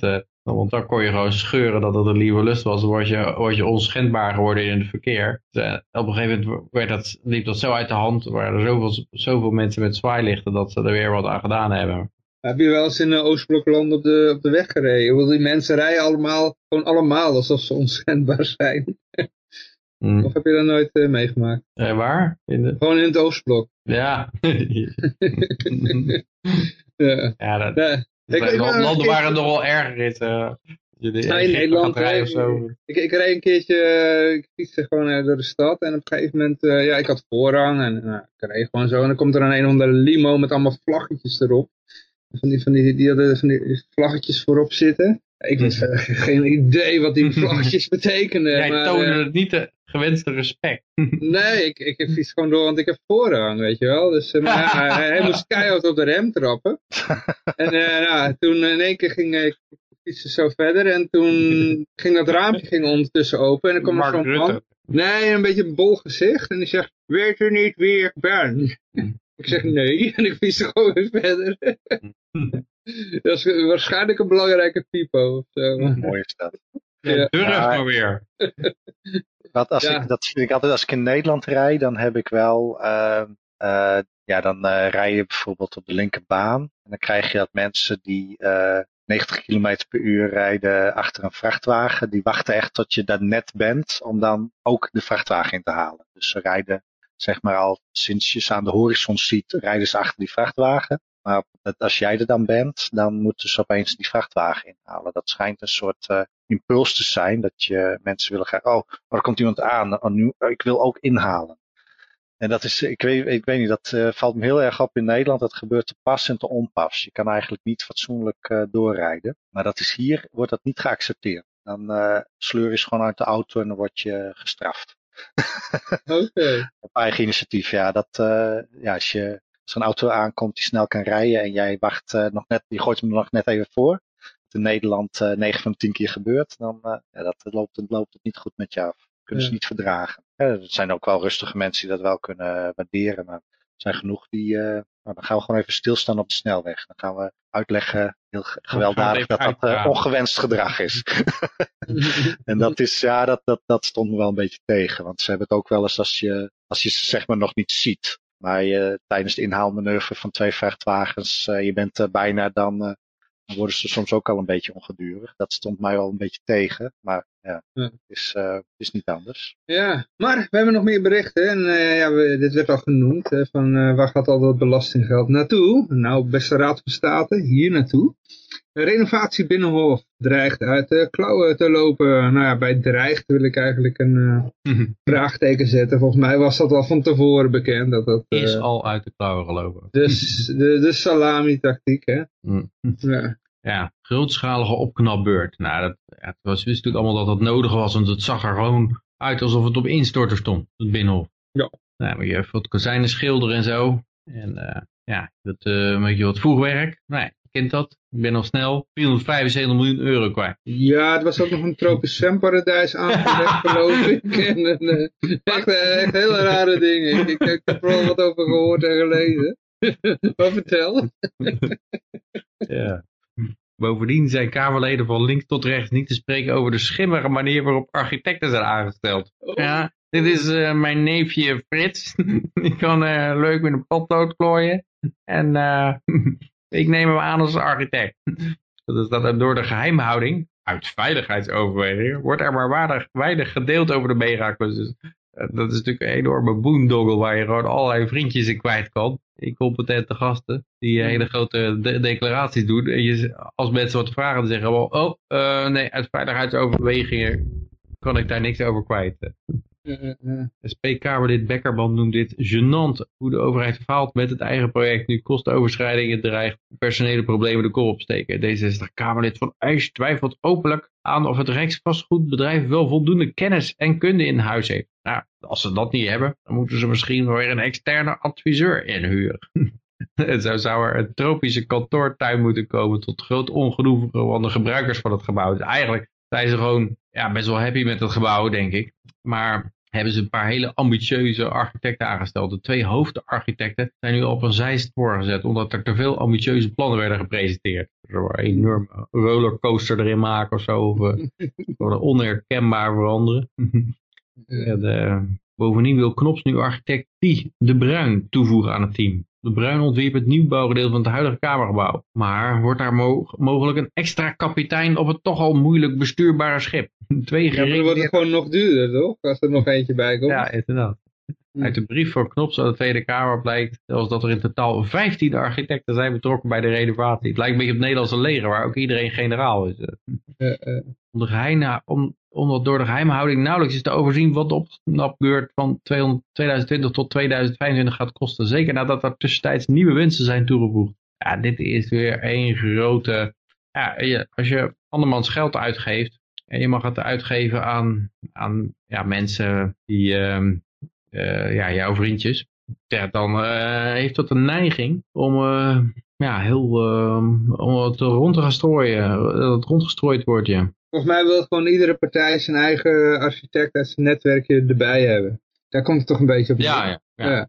Het is ja. duidelijk dat SP-Kamerlid Beckerman en D66 van IJs, dat die hier, hier geen vriendjes bij hebben. Die, die hoorden er pas te laat van, van deze enorme boemdoppel. Ja. Dus die zijn, die zijn gewoon heel boos. Ja, maar het is ook weer een beetje een good cop, bad cop verhaal. Niemand, geloof ik, is nou serieus verontwaardigd of zo. Of uh, een probleem mee, want het is toch allemaal belastinggeld en uh, heb je de belasting omhoog en het is weer uh, geregeld. Ja. Maar we hebben zo nog meer van dit soort berichten. Uh, ja, laten we gewoon gelijk uh, verder gaan. Uh, ambtenaren verbrassen tonnen online met werktelefoon. ja. Raad van State, dit. Hè? ja, het is wel peanuts vergeleken bij wat hiervoor gebeurde. Een half miljard er doorheen gegooid, geshort wordt. Maar hier zijn er dan mensen die toch lukt om een telefoonrekening bij elkaar te bellen van 211.000 euro met zo'n werktoestel. Ja, wat voor, wat voor seksnummers ben je dan aan het bellen, joh? ja, ik denk zelf, seksnummers die, uh, die uh, zelf runt ook aan de andere kant. ook nog kunnen, ja. Vermoed ik. Nou ja, hier in het bericht wordt dan onder andere verteld dat uh, er zit dan zo'n ambtenaar in het buitenland en kennelijk zit zijn familie daar ook. En uh, dan heeft hij even een hotspot aangelegd waar iedereen dan uh, huppa meteen online zit. Ging die torrents uh, downloaden en zo? Ik denk het, ja. ja. Zo'n lief dat natuurlijk, wilde natuurlijk de nieuwe Games of Thrones zien, dus hoppakee. Netflix.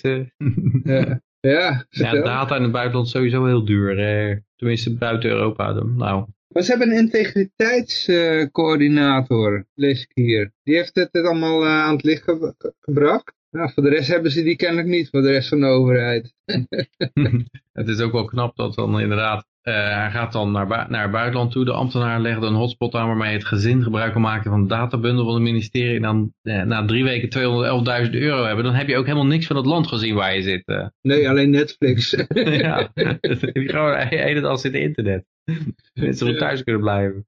Ja, we weten natuurlijk niet wat voor shit al die zat, weet je wel. Als je in Sofia zit. oh, sorry, uh, Klaas. wat is er in Sofia? als, als je daar zit. wat is er dan? Ik verstond even niet. Wat was er dan? Oh nee, daar had je er even bij moeten zijn, Klaas. Ja, zeg maar. Herhaal het. Als het de moeite waard is om te zeggen. nou, dus een ambtenaar die... Uh... De moeite waard om te herhalen. Oké, oké ambtenaar die niks te doen heeft, dat hij gewoon voor 200, uh, hoeveel was het uh, Peter? 211.000 euro. In hoeveel tijd? Drie weken. Had hij dat ver, verbrast op een buitenlandse bundel. Ja, natuurlijk, uh, Bulgarije natuurlijk EU, hè? Ja, dat zit gewoon allemaal binnen de bundel. Ja, nee, dus dat hij ergens Jezus. waar geen fuck te doen was. En dus kennelijk alleen maar Netflix zitten kijken. Ja, Zij de gezin heeft naar Netflix zitten kijken. Oh. Ja. Het zou, ik, ik, ik wil dat het porno is. Dat, dat het heel bizar is. En dat ze dat dan ook gewoon publiceren. Ja, ja, Van de sites. Ja. zoals, zoals bij die, uh, die miljardair Kraft. Die, die, uh, die was toch naar zo'n uh, zo'n uh, weet het nou, zo'n massagesalon geweest. Dat is een vriendje van Trump, dus die uh, okay. ja, moet natuurlijk hebben. Een miljardair en hij had een of ander voetbalteam ook geloof ik. Maar die was naar zo'n massage, massagesalon geweest. Die een happy end gekregen. Maar de politie had daar camera's geplaatst. en nou uh, gingen ze, hadden ze gearresteerd. En nou gaan ze die beelden online zetten. ja, oh, we gaan nu eens eventjes uh, even helemaal belachelijk maken. Maar uh, nou, dat kunnen ze hier ook doen. Maar de ambtenaar is voorwaardelijk ontslagen, waar het hier om gaat. Ja, dat houdt in namelijk dat hij dus niet ontslagen is, maar dat hij nog meer, nog meer vakantie krijgt. Enige vraag is... Mocht hij weer de fout ingaan... Ze zijn, uh, ze zijn nog bezig zijn transactievergoeding te berekenen. ja, ja, ja, klopt, klopt, klopt. Zijn uh, transactievergoeding... Kost even wat tijd. Ja, zijn transactie... transitievergoeding. Transitievergoeding moet nog worden berekend. Ja, ja uh, eventuele loonsverhogingen daarvan, dat worden, die, die, die gaan dan niet door en daarmee wordt dan de, de schade vergoed of zoiets. Maar ja, het is allemaal belastinggeld. Ik bedoel, die ambtenaar wordt gewoon betaald van belastinggeld. En zijn eventuele loonsverhogingen waren ook gewoon belastinggeld. Dus ja. ja. Maar wat, betekent, wat betekent voorwaardelijk strafontslag eigenlijk? Dat betekent gewoon dat je niet ontslagen wordt, toch? Ja, uh, verderop in het artikel... Voorwaardelijk is uh, dat je, als je je herhaalt, dan wordt het effectief. Ja, ja dus als hij, dus, zolang die niet bij, tijdens de strafontslag weer een rekening van 211.000 euro aan een hotspot uh, kwijt is, ja. zit, is, die, is die goed. Ja, ik stel voor dat hij uh, gewoon zijn telefoon uh, inlevert. Dan uh, kan hij ook niet in de verleiding komen. Ja, wat je inderdaad ook kan zeggen is van oké, okay, voortaan, je hebt er zoveel kosten bij ons gemaakt, voortaan bel je maar met je eigen telefoon. Ja. Nou, het is, er is ook wel iets voor te zeggen, dat, hoe is het in hemelsnaam mogelijk om zo'n rekening te krijgen?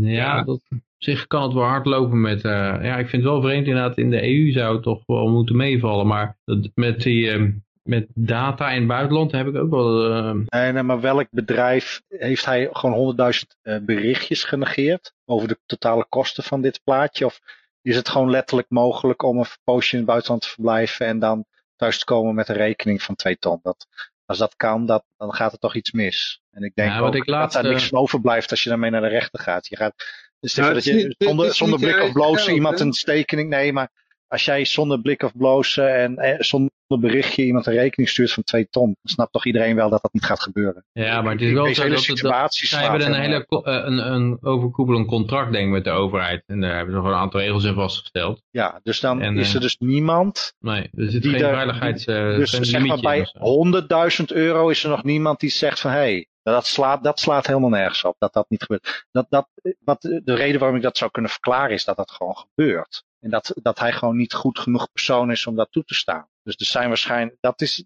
dit is dan hoe ik dat verklaar. Want ik neem aan dat in elke normale andere setting, uh, dat op een gegeven moment zei, hey, dit ja, is als je zo je eigen abonnement, dan krijg je daar wel een waarschuwing voor. Uh, als je de ton ja. voorbij gaat, denk ik.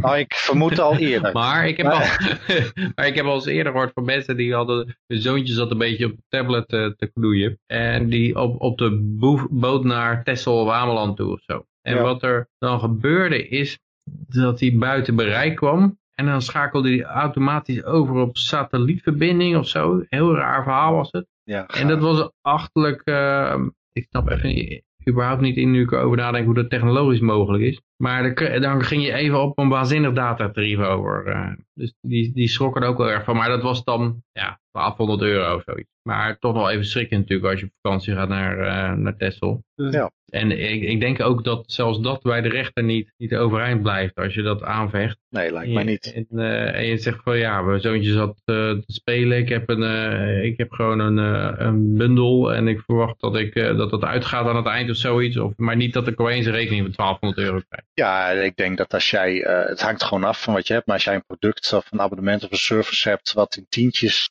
per maand of misschien zelfs in tientjes per jaar wordt uitgedrukt. Als jij dan als bedrijf zonder blik en bloos een rekening van 1000 euro presenteert, ja, dan word je denk ik gewoon uitgelachen. Hmm. dat is, uh, kijk, als Net je, zoals je voor een kopje koffie gaat zitten en een restaurant en je vraagt niet uh, specifiek hoeveel kost dit. En ze presenteren je daarna, oh, dit is een heel speciaal kopje koffie van Ja, ja, precies. Deze, deze bonen, dit is een 1000 euro bonen koffie. ja, nee, inderdaad, dan word je ook gewoon uitgelachen. Het is, een, is een impliciet contract dat als jij koffie van 1000 euro hebt, dat je dat even moet melden van tevoren. Ja, nou, dat, laten we het zo zeggen. Dat is een restaurant waarbij het duurste gerecht op de menukaart die op de deur geplakt is, is uh, eh, 15 euro. Zeg maar zoiets. En dan ga je hmm. binnen zitten en dan krijg je een rekening van 1000. Zo, is, zo gek is het. Hmm. En uh, ja, of dat je naar het wc bent gaan, ja, naar de wc gaan, dat is extra duur. Sorry, ja. ik ben even heel goedkoop en er één, ding die, één ding wat gewoon belachelijk duur is. ja, naar de wc gaan, dat is 1000 euro.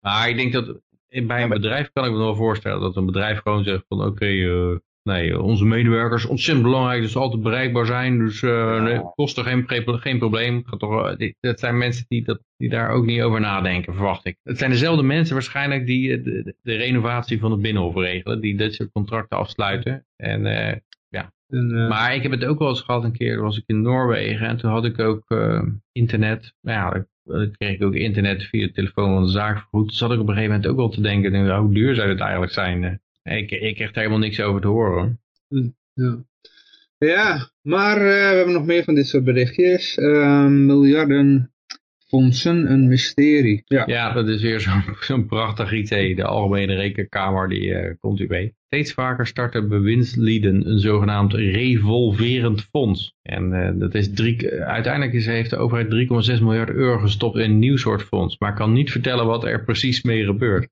Lijkt het onderzoek van de Algemene Rekenkamer. Dit denk je natuurlijk gelijk al, oh, gaat vast niet over hun eigen geld dan. Raad van State, luistert u nog? Ja, dit is weer een good cop, bad cop verhaal. Dat de Algemene Rekenkamer, die gaat zogenaamd zijn tanden laten zien om uh, aan te geven dat, dat het niet allemaal 26 handen op één buik is, al die uh, afdelingen van de overheid. Maar dat ze echt gewoon uh, keihard tegen elkaar ingaan en elkaar vuur aan de schenen leggen enzovoort. Maar het idee van zo'n revolverend fonds is al belachelijk. Want het houdt in dat het Rijk een startbedrag stopt in een fonds waarmee anderen kunnen gaan investeren. Ze kunnen dan een lening krijgen uit dat potje voor een doel dat de overheid goed vindt. Maar waar de bank niet zo snel de lening voor verstrekt. Dus uh, het idee is dat door aflossing en rentebetaling het fonds steeds wordt weer, weer wordt aangevuld. Dus je gooit er wat geld in, je leent er wat uit, maar dat wordt terugbetaald. En dan kan je het weer opnieuw uitlenen en wordt weer terugbetaald. En dat is een fonds dat als eeuwig blijven staan, eeuwig geld blijven uitlenen aan doelen die de overheid goed vindt. Maar, maar zijn dus ook doelen waarvoor de bank gewoon zijn neus ophaalt. Omdat de bank zegt, ja, ben wel gek als je daar je geld aan uit gaat lenen. Feministische, feministische danstherapie, dat gaat nooit terugbetaald worden. ja, inderdaad, ja. en, en, en, dan zie je ook nog eens dat er helemaal geen controle is. Dat ze hebben eigenlijk geen flauw idee waar dat geld aan uitgeleend wordt. Dus je kan eigenlijk zeggen dat dat revolverende fonds waarschijnlijk na één ronde gewoon gelijk al helemaal uh, uh, is. Maar misschien dat een drukker van de Donald Duck en de Libelle, dat die daar ook nog eens wat geld uit kan lenen. Ja. Maar ik vraag me af, dus als jij dan uh, geld geleend hebt uit dat fonds, je hebt het in, allemaal in BitConnect gestoken, want je dacht, nee, dat gaat alleen maar omhoog en dan blijft het omhoog gaan. En uh, nou ja, dan kun je dus niet terugbetalen. Wat gebeurt er ja, dat is geen probleem, want ondanks de gigantische som geld in deze fondsen blijkt er niet één minister verantwoordelijk voor het overzicht. Oh. Er zijn er geen regels voor deze fondsen en heeft de Tweede Kamer, volgens de Rekenkamer, beperkt inzicht uh, zicht op hoeveel geld en hoe lang geld wordt ingezet en welke resultaten daarmee worden bereikt. Dus de, resultaten de lening blijft gewoon eeuwig openstaan en er bestaat geen rente en uh, niemand, niemand gaat het ook terugbetalen of zo. Ja, ik denk dat het uh, hele gunstige leningen zijn. Dat je niet vaak uh, gebeld wordt. Je zal geen deurwaarder zien. De rekenkamer heeft nu nog niet duidelijk gemaakt in hoeverre er echt aflossingen en rentbetalingen plaatsvinden door mensen die een lening hebben afgesloten bij zo'n fonds. Oké. Het controleorgaan was dus al maanden bezig met de, alleen het in kaart brengen van de omvang van de fonds. Nou ja, ik kan de rest wel gokken ongeveer.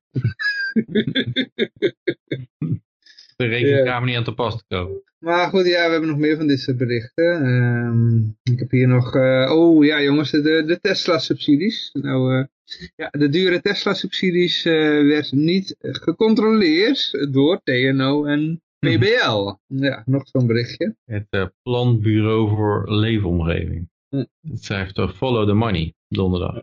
Maar ik, ik vind hier bij, kijk, wat, waar het dus om gaat, is een zogenaamde carbon tax rekenmodel. En uh, ze hadden een model gemaakt en die, dat model moest berekenen hoeveel elektrische auto's er verkocht zouden worden. Maar dat blijkt dus enorm veel meer te zijn. Waardoor de subsidieregeling veel vaker werd gebruikt en dus veel meer kosten dan verwacht. Maar er zijn in 2018 25.068 elektrische auto's verkocht, 120% meer dan geprognotiseerd. Dat voorspeld niet voldoende is. Als je een model hebt gebruikt, een carbon tax rekenmodel, dat alleen al 900.000 euro kostte, dat model. Kan je natuurlijk niet zeggen dat model onderschatten de, de verkoop. Dan moet je dat geprognotiseerd noemen. Dan uh, stuk beter.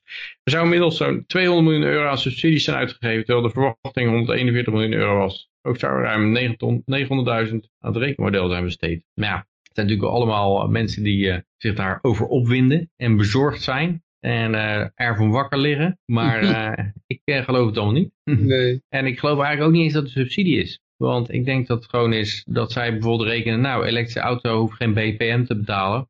alleen maar BTW. En dan zeggen ze, nou, dat is zoveel subsidies. Dus het kost ons zoveel geld. Hm. Maar ja, dat is natuurlijk helemaal geen, geen subsidie. Maar dat doen ze altijd. Dan hebben ze iets minder belasting en dan noemen ze dat subsidie. Ja.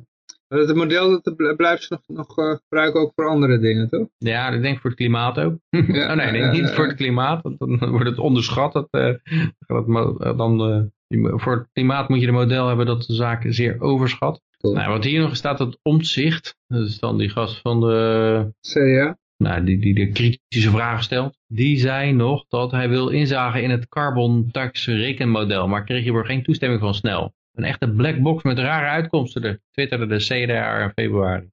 Dus ja, het is, uh, het is een black box, black box model. Het is wel apart dat mensen als een model verkeerde uitkomsten geeft, dat ze dan willen weten wat er, wat er in dat model zit. Behalve als dat een klimaatmodel is. Mm -hmm. En wat ik ook nog apart vind is dat uh, een woordvoerder van Snel laat donderdag weten dat de term valideren wellicht beter niet gebruikt had kunnen worden. Omdat, omdat dit door TNO en PBL anders geïnterpreteerd wordt.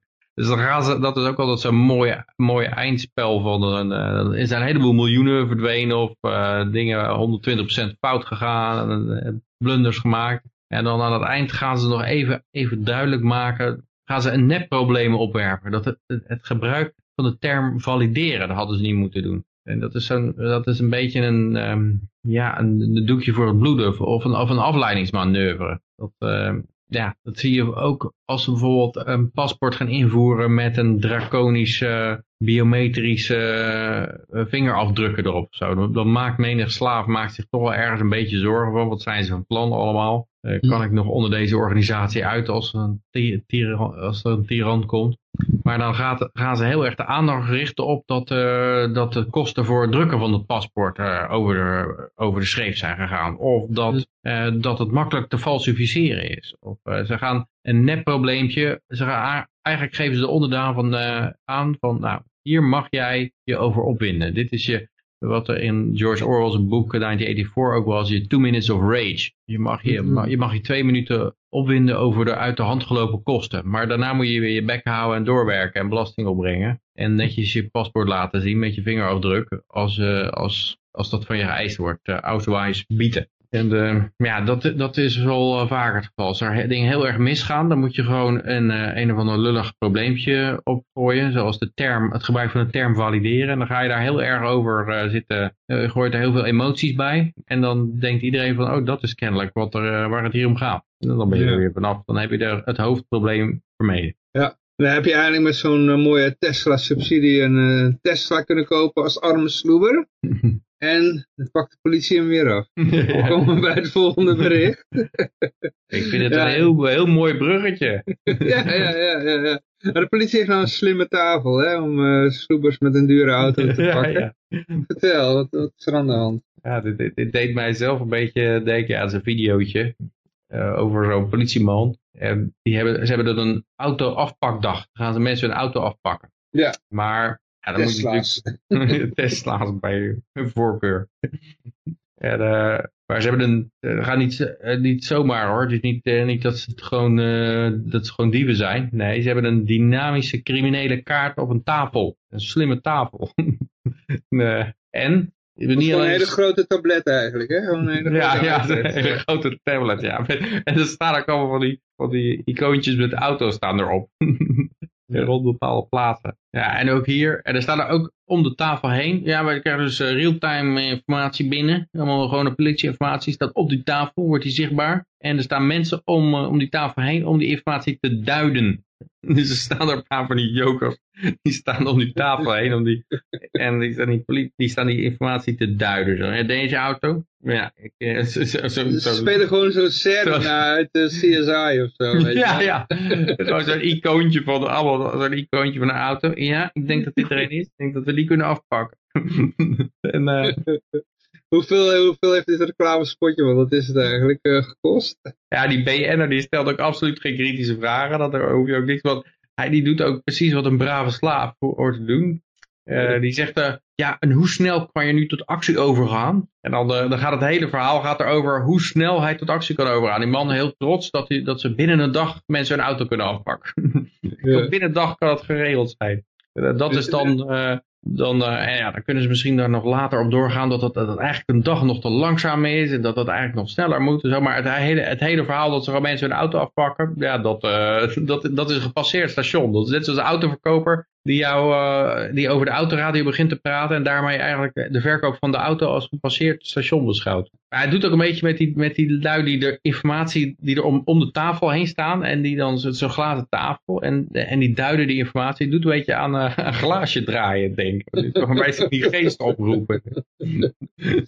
Maar die man die zegt ook van ja, ja, wat, wij, dan- wat wij dan doen is als er zo- zo'n sloeberbuurt is. Nou, ik weet niet wat eh, mensen niet blij mee zijn als een buurt voor sloeberbuurt wordt uitgemaakt. Maar daar dan een dure auto staat. Ja, ja dan, eh, dan is dat duidelijk criminele zaak en dan pakken we die auto af. Dus dat betekent gewoon dat als, als iemand als prioriteit heeft dat hij liever een mooie auto heeft dan een mooie woning. Omdat hij gewoon graag, dat heb je, eh, dat heb je gewoon soms, dat mensen eh, Ja. al geld concentreren in een televisie of zo. eh, omdat ze dat Maar nou u woont niet in de bergkwartier, dus dan mag je die auto niet hebben. Ja, eh, dan steek je al je geld in de auto, je auto afgepakt. ja, En, dan- en dan plakken ze er ook zo'n sticker op uh, overheen afgepakt. ja. En weet je waar die auto's dan naartoe gaan? Ik, ik weet het. Hmm. Mijn vader was een ambtenaar. Is inmiddels met pensioen, maar eh, als ambtenaar heb je gewoon voorrang. Hè? Dan kan je dat soort, eh, die gevorderde voertuigen worden gewoon verkocht onder de ambtenaren voor een happenkras. Oké, dus je kan gewoon... eh, je kan gewoon je auto uitzoeken of stelen op bestelling. Ja, ja, ja, ja, Als ja. ambtenaar Ja, zegt, oh, die, die heeft wel een mooie auto, boom, hup. Maar Ja. gemeente als je het heling noemt, hè? Ja, nee, nee, nee dat, steekt de staat, staatssecretaris wel een stokje voor. En, ad- eh, de AG, advocaat-generaal. Eh. Nee, het is, eh, maar je ziet ook in deze man, de, die politie, grote emoties. Ah, ah, je ziet hem verbijten van, oh, daar rijden mensen in een mooie auto rond. Dat moet eh, voorkomen worden, daar gaan wij wat aan doen. Ja, ja. Dat is dan ook zo'n heel ritueel, dat ze zo'n sticker afgepakt over het nummerbord plakken. Die hebben ze dus ook allemaal laten maken, die stickers, bij een of andere drukkerij. Ja. want, want dat voelt dan beter dan gewoon eh, ergens binnen. En zo, ja, je ziet ze wel allemaal deuren openzagen en rolluiken omhoog halen. En, ehm, en eh, met Gewoon inbreken, hè? Dus Ja, het is gewoon inbreken inderdaad. Met een Ja. sleepwagen halen ze van alles weg. Maar ze doen wel eens een mooi een stickertje overheen. Dus ik denk ook, als, je nou, als jij nou een eh, autodief bent, dan moet je ook gewoon dat soort stickers maken, ehm, afgepakt. En dan kan je gewoon oh, bij klaarlichte dag kan je al garagedeuren openboren en, uh, en je doet een hesje aan. En uh, je doet er een sticker overheen afgepakt en nou ja, niemand die enige vraag stelt. Daar rijdt dan binnenkort een ambtenaar in. Maar uh, ja, 200 uh, Rotterdammers bij Mars door Zuid voor hoger minimumloon. Dat hebben we ook nog, hè. Maar eerst, eerst nog even wat over de FNV, want die hebben ja, er zijn natuurlijk allemaal mensen ontslagen, hè. ja. ja, ja, ja, ik ben benieuwd of die een transitievergoeding hebben gekregen. Ja. Maar dat, de FNV is ook zo'n zo'n organisatie die dat gewoon... is een libelle. Ja, dat is een libelle voor mannen eigenlijk. Ja. of CDA. ja. Met iedere dooie gaat er weer een FNV. Eén, van de twee dooien is een FNV-lid. Ja. Maar ze gaan een mars houden. Een mars voor meer geld. Dus ze, ze denken niet van nou, als ik mijn waarde vergroot door mijn productiviteit te vergroten of door mijn vaardigheden te vergroten of zo, nou dan, dan kan ik misschien wel meer betaald worden. Nee, wat ze doen is uh, een mars houden. En, uh, en een stuk laken verpesten door erop te spuiten, ik strijd voor gerechtigheid. Ja, en verderop in het artikel lees je dan over de, de wie, zijn dan de boze, boosdoeners. Uh, weet je wel, de grote boze man, dat zijn natuurlijk uh, de aandeelhouders. Want die uh, verdienen heel veel geld aan, aan ons. En dan denk je van, oké, okay, maar waarom koop je dan zelf geen aandelen als het allemaal zo lucratief is? ja, precies. ja, en dan kan je op de aandeelhoudersvergadering kan je nog pleiten voor een, een hoger minimumloon of zo. Ja, nou ja die, die, mensen die hebben natuurlijk absoluut niet gekeken naar hoeveel, hoeveel winsten gemaakt worden. En, en, wat je soms zelfs ziet is dat ze, dan zeggen ze, ja, Shell maakt heel veel winst. Maar dan kijken ze gewoon... Shell. dat ook. Maar dan, dan is het ook, het, het uh, dan kijken ze meestal ook naar de absolute bedragen. Hè? Want dan horen ze een, een bedrag, een miljard winst. Dus oh ja, ja, dat is gewoon uh, belachelijk veel. Uh, terwijl het, houdt, je moet natuurlijk wel schalen naar de, naar de grootte van het bedrijf. Als een slager een miljard winst maakt, ja, dan is het wel heel veel. Dan zou ik ook een slagerij gaan openen. Maar als, een, een wereldwijd oliebedrijf waar enorme kapitaalsinvesteringen in zitten en heel veel mensen werken en als 10 miljard winst maakt, dan is het helemaal niet zo indrukwekkend. Je moet u kijken naar wat is de winst per geïnvesteerde euro, de winst per aandeel eigenlijk. Ja, en dan dan zie je dat de, de winsten van bedrijven zijn helemaal niet zo hoog. En, en ze hebben dat wel eens gevraagd, hebben ze aan mensen gevraagd van hoeveel winst denk je dat een bedrijf ongeveer maakt. En dan zeggen ze oh ja, 20, 30 procent, dat soort getallen komen er over het algemeen uit. Mensen hebben gewoon totaal geen feiten kennen. Het is onmogelijk 20 tot 30 procent winst uh, over een brede linie. Misschien heeft één bedrijf een keer een jaartje geluk of zo. Maar over het algemeen is, is de winstmarge van een bedrijf is maar uh, een paar procent. En dat kan ook niet veel hoger zijn, want uh, zeg maar, de veilige winst voor een obligatie, die is helemaal omlaag gedrukt door centrale banken. Door die, die centrale banken zelfs negatief gemaakt in, in Europa. Dus die bedrijven gaat de winst ook naar nul toe. Uh, want uh, ja, die, die, zitten, die zitten eigenlijk aan elkaar gelinkt. Als je bij bedrijven een veel hogere winst zou hebben, dan zouden mensen net zo lang de aandelen kopen van dat bedrijf, totdat de winst per aandeel weer zo laag is dat die vergelijkbaar is met die van een obligatie. Met, met een risicoverschil erin voor, omdat een aandeel meer risico heeft dan een obligatie. Is de rente daar natuurlijk altijd iets hoger of dividend. Maar het is, het is niet zo dat er, dat, ja, als je deze mensen vraagt, denk ik dat die ook bij die groep zitten. Die zeggen van hoeveel winst maakt een bedrijf? wel 20, 30 procent. En ze zien ook winst vaak als iets wat, wat uh, slecht is. Hè? Want ja, dat is gewoon het hele Marx-idee van nou, dat is eigenlijk ons geld. Want wij hebben het werk gedaan. En uh, dat gaat dan naar de kapitalisten toe. Want uh, ja, die hebben er helemaal geen werk voor gedaan. Het, het leveren van kapitaal, dat is absoluut, al, absoluut zinloos in hun ogen. Vandaar ook dat kapitaal in socialistische landen altijd ten onder gaat en daarmee ook gelijk de hele welvaart ten onder gaat. Want als jij eh, alleen met een hamer op een, op een stuk metaal gaat slaan, dat levert echt niet veel geld op. De enige reden dat jouw arbeid wat waard is, is omdat je met kapitaalgoederen werkt die het waardevol maken. Dus dat inbrengen van kapitaal is cruciaal voor jouw productiviteit. Dus ja. dat kapitaal dat zou je tevreden moeten houden en moeten blijven belonen, zodat het erbij betrokken blijft en zodat je steeds nieuw kapitaal blijft krijgen. En als, als je dat niet doet, ja, dan, uh, dan ga je gewoon het hele schip zinken. Ja. Maar mensen die hebben ab absoluut geen idee hoeveel winst er wordt gemaakt. Plus dat het hele verhaal wat winst eigenlijk is, dat is het verschil in waarde, het verschil in prijs eigenlijk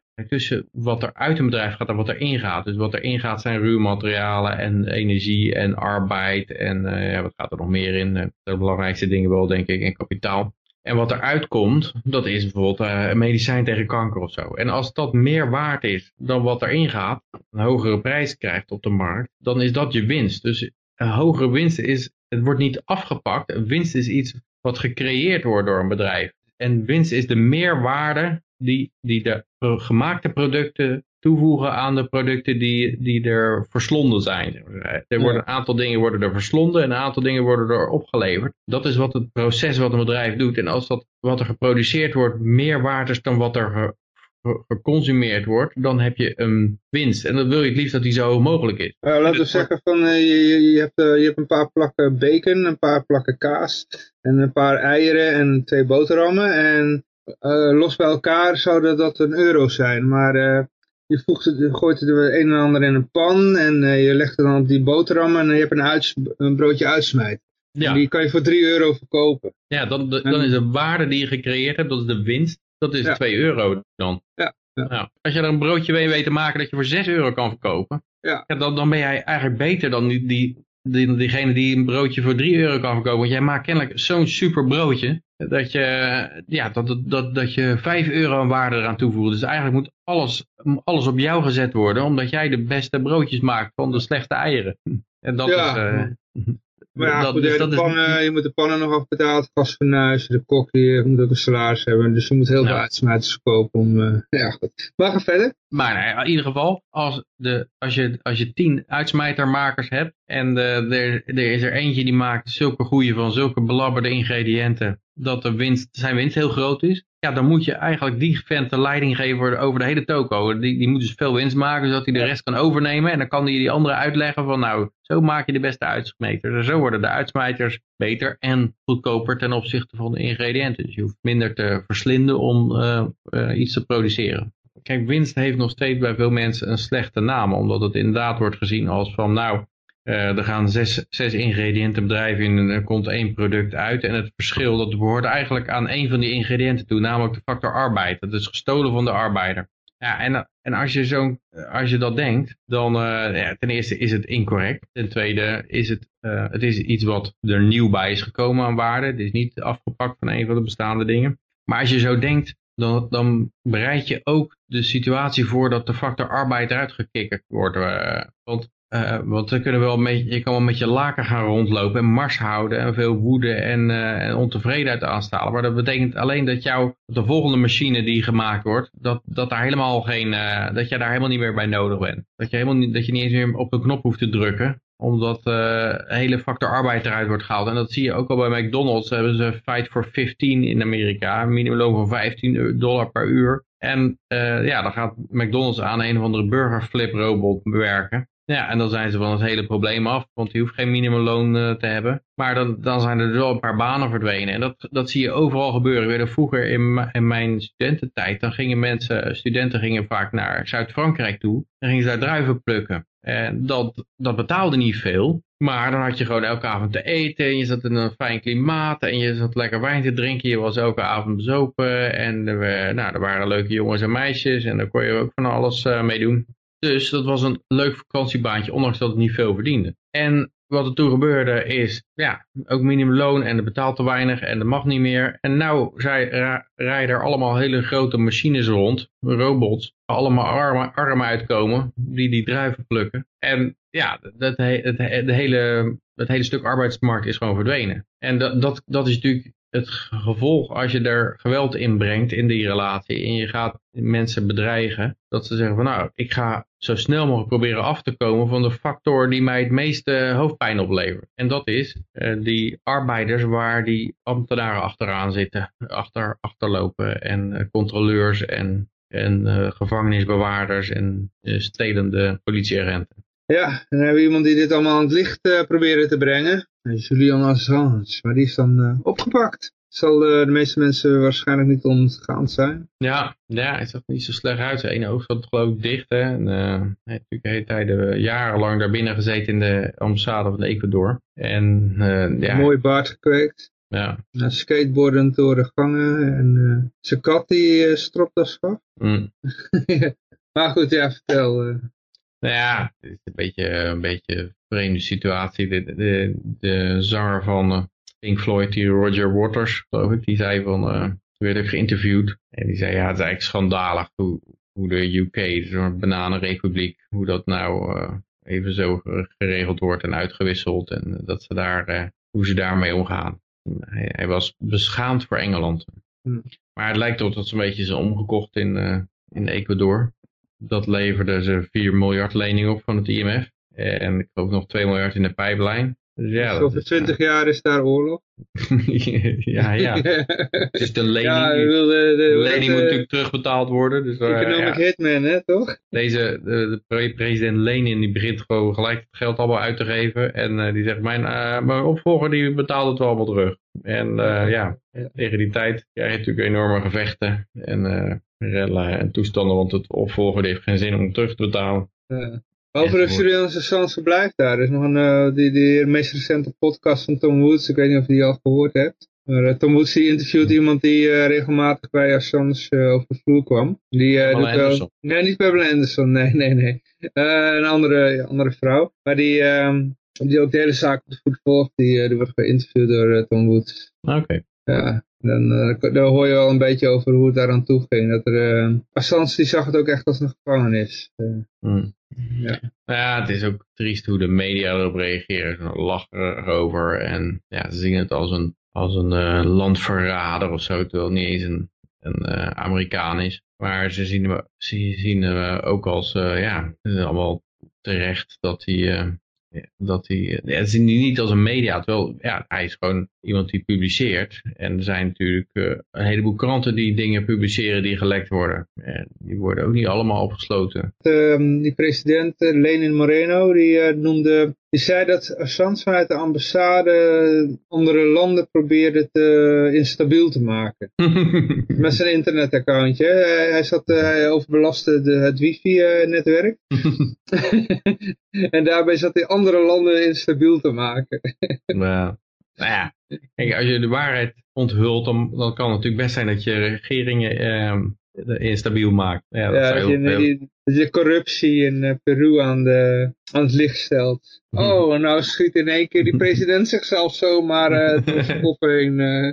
ja, eigenlijk maak je daarmee het land instabiel weer. Ja, over die, uh, die Lenin Moreno. Mm -hmm. daar, daar is ook nog wat een en ander over bekend. Dat is, is mijn mannetje hoor. Ik heb hier nog een artikel van een Belgisch, uh, Belgische media. De, de Wereld van Morgen heet het. En die hebben een artikel over de... Het is van 1 april. Ik hoop niet dat het een 1 april grap was. Maar uh, 1 april 2019. Het gaat over die uh, president die uh, nou aan de macht is. En dan, je had, voorheen had je dan president Correa. Dat was een, um, een man die in een deux rondreed en in een hutje woonde. Die leefde heel arm. En heel eenvoudig. En die was dan ja, echt een socialist met principes, zeg maar. En hij was toen vicepresident. En hij had het bewind van die Correa overgenomen met als belofte dat hij daar niks aan zou veranderen. Nou, het eerste wat idee was dat alles hm. veranderen. Veranderen. ja, uiteraard. en hij bleek behoorlijk omkoopbaar te zijn. Die Lenin uh, Moreno, hè. Hij komt trouwens uit een marxistisch nest. nest. Hij is ook naar, uh, naar, naar Lenin vernoemd, hè. Hm. En uh, hij bleek dus onkoopbaar te zijn en iedereen kon bij hem aankloppen met geld en noem maar op. En ja, eigenlijk alles van uh, Korea heeft hij dus in de prullenbak gegooid. En hij heeft zelfs, hij zei dat hij corruptie ging bestrijden. En hij heeft notabene zijn uh, voorganger ook op de lijst van uh, corrupte mensen gegooid. Dus je kan dit een soort projectie noemen. Ja, corrupte mensen die zien altijd overal corrupte mensen om zich heen. Hè? Ja, ik zal het artikel in ieder geval op de website posten, kunt het allemaal even zelf lezen. Het is uh, in ieder geval deze man die heeft meteen zaken met de IMF. En uh, nou, een van de voorwaarden, het zat natuurlijk dat weten wij niet, maar het lijkt wel logisch is dat een van de voorwaarden was dat Assange uitgeleverd moest worden. Dus uh, ja, als we met Judas moeten vergelijken, waren de... 30 zilverstukken. Ja, 30 zilverstukken waren dus uh, eh, 4,5 miljard waard.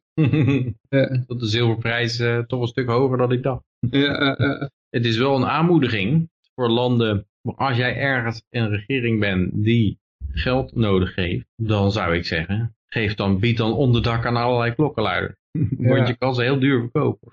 ja. Uh, ja, misschien dat dit een lawine van uh, safe havens oplevert. Van allerlei ambassades die allemaal uh, buitenlandse klokkenluiders de asiel gaan aanbieden. In de hoop ze daarna voor veel geld te kunnen verkopen. En dan de, de, markt zo verzadigen dat, uh, dat het gewoon onbetaalbaar wordt. Ja, ik zie binnenkort een aantal Afrikaanse landen ook een ambassade openstellen. ja. ja. Denken, nou dan kunnen we de oorlog weer 20 jaar uitstellen.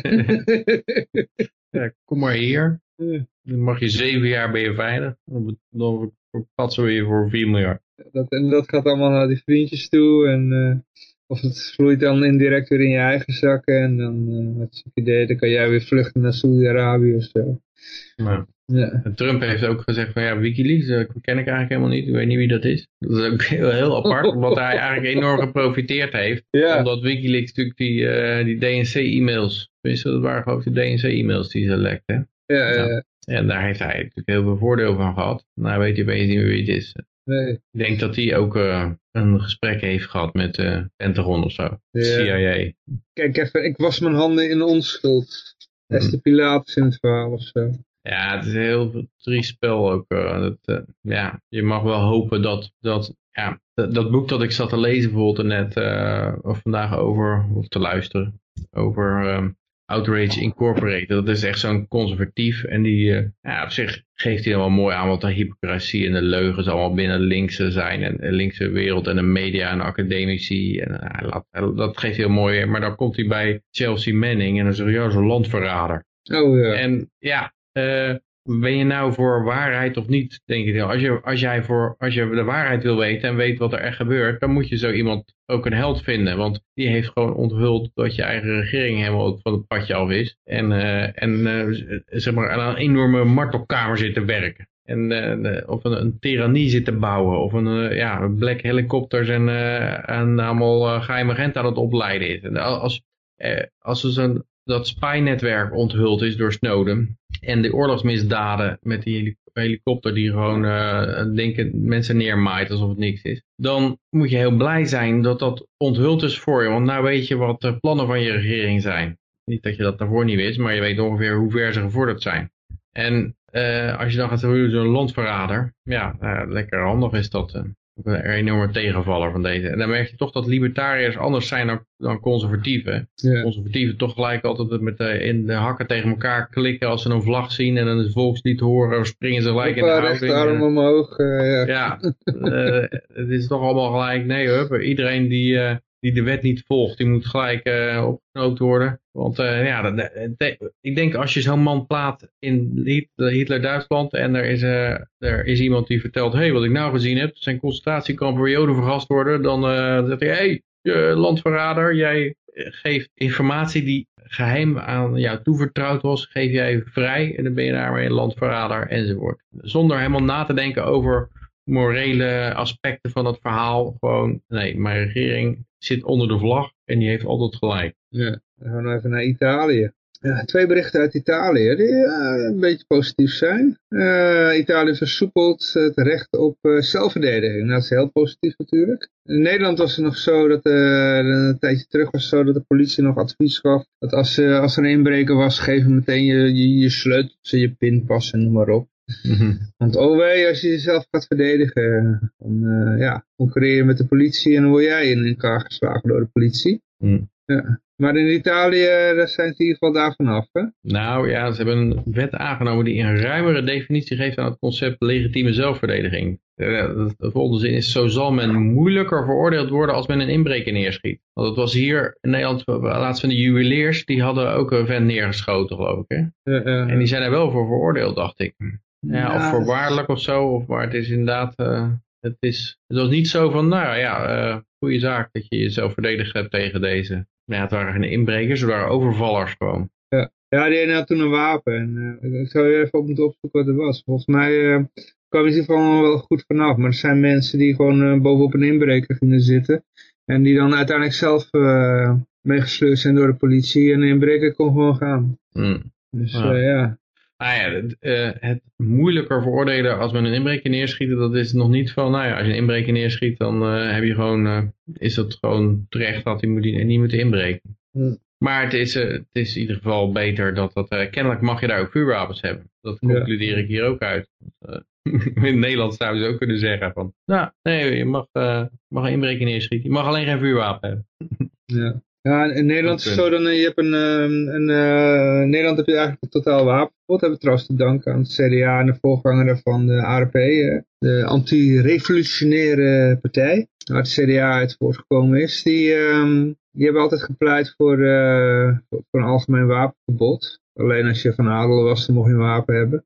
Uh, je hebt dan uitzonderingen. Dat zijn dan uh, een verlof. Zo, in Nederland zeg je dat nou dat als je van adel was, dan mocht je wel een wapen hebben? Denk het, ja. ja maar dat de gok maar even zo hoor. ja, dan kon je het veroorloven. Voor de jacht. Ja, je had, je had ja. een verlof. En dan, dan, dan, dan, had je, dus als je van adel was en je wilde even op je landgoed herschieten, dan had je een verlof, heet dat. Hmm. Ja, volgens mij was het meer dat je het uh, kon betalen. Ja, ja, Wapens waren duur. Is het niet zo dat, dat is toch dat die wapens, uh, in ieder geval de recente vuurwapenwetgeving was, dat er gewoon uh, na bepaalde oorlogen waren er gewoon veel wapens beschikbaar. Waardoor ook uh, ja, mensen die niet van adel waren, wapens ik heb ooit een heel artikel geschreven erover. Ja. Ik heb ooit een heel artikel, ik heb dat toen in vertypt. het was Baron van Mackay in 1888, die dus tot zijn grote ontsteltenis erachter kwam dat Nederland nog geen wapenverbod had. Hmm. Ja, ja, hij kreeg bijna een hartverlamming, maar hij heeft overleefd. Maar hij uh, heeft toen uh, in eind 19e eeuw de eerste uh, wapenverbod op, op Seherens wegen. mochten er dus geen vuurwapens rondgebracht worden, tenzij de overheid erover inlicht natuurlijk. Rondslingeren. Ja, en daarna in 1918 toen, toen je die Troelstra-revolutie, uh, dat, dat, ja, wat achteraf dus een, uh, helemaal niks bleek te zijn. Toen dat dreigde, toen hebben ze dus nog een, de, de, wapenwet hebben ze toen verscherpt. Dus, en dat is, later hebben ze het nog, nog, nog meer verscherpt. En uiteindelijk is het dus zo dat je, dat je alleen maar een uh, verlof uh, kan hebben. Het is een algemeen wapenverbod, maar je kan allerlei uitzonderingen hebben. Dus als je van een schietclub bent of een uh, ja, politieagent bent of zo, dan heb je een uitzondering. Ja. Dus zo zit het in Nederland. Hm. Maar ja, dat is in ieder geval in Italië iets beter geworden. Ja, je hoopt een beetje dat het een trend wordt. maar ja, ik denk dat, dat de criminaliteit heel erg uit de hand moet lopen. Dat, dat mm, ja, mensen dat gaan eisen, dat, dat, uh, dat ze dat mogen, mogen doen. Ja, ja. Op, een gegeven moment, op een gegeven moment is de realiteit natuurlijk zo hard dan ja,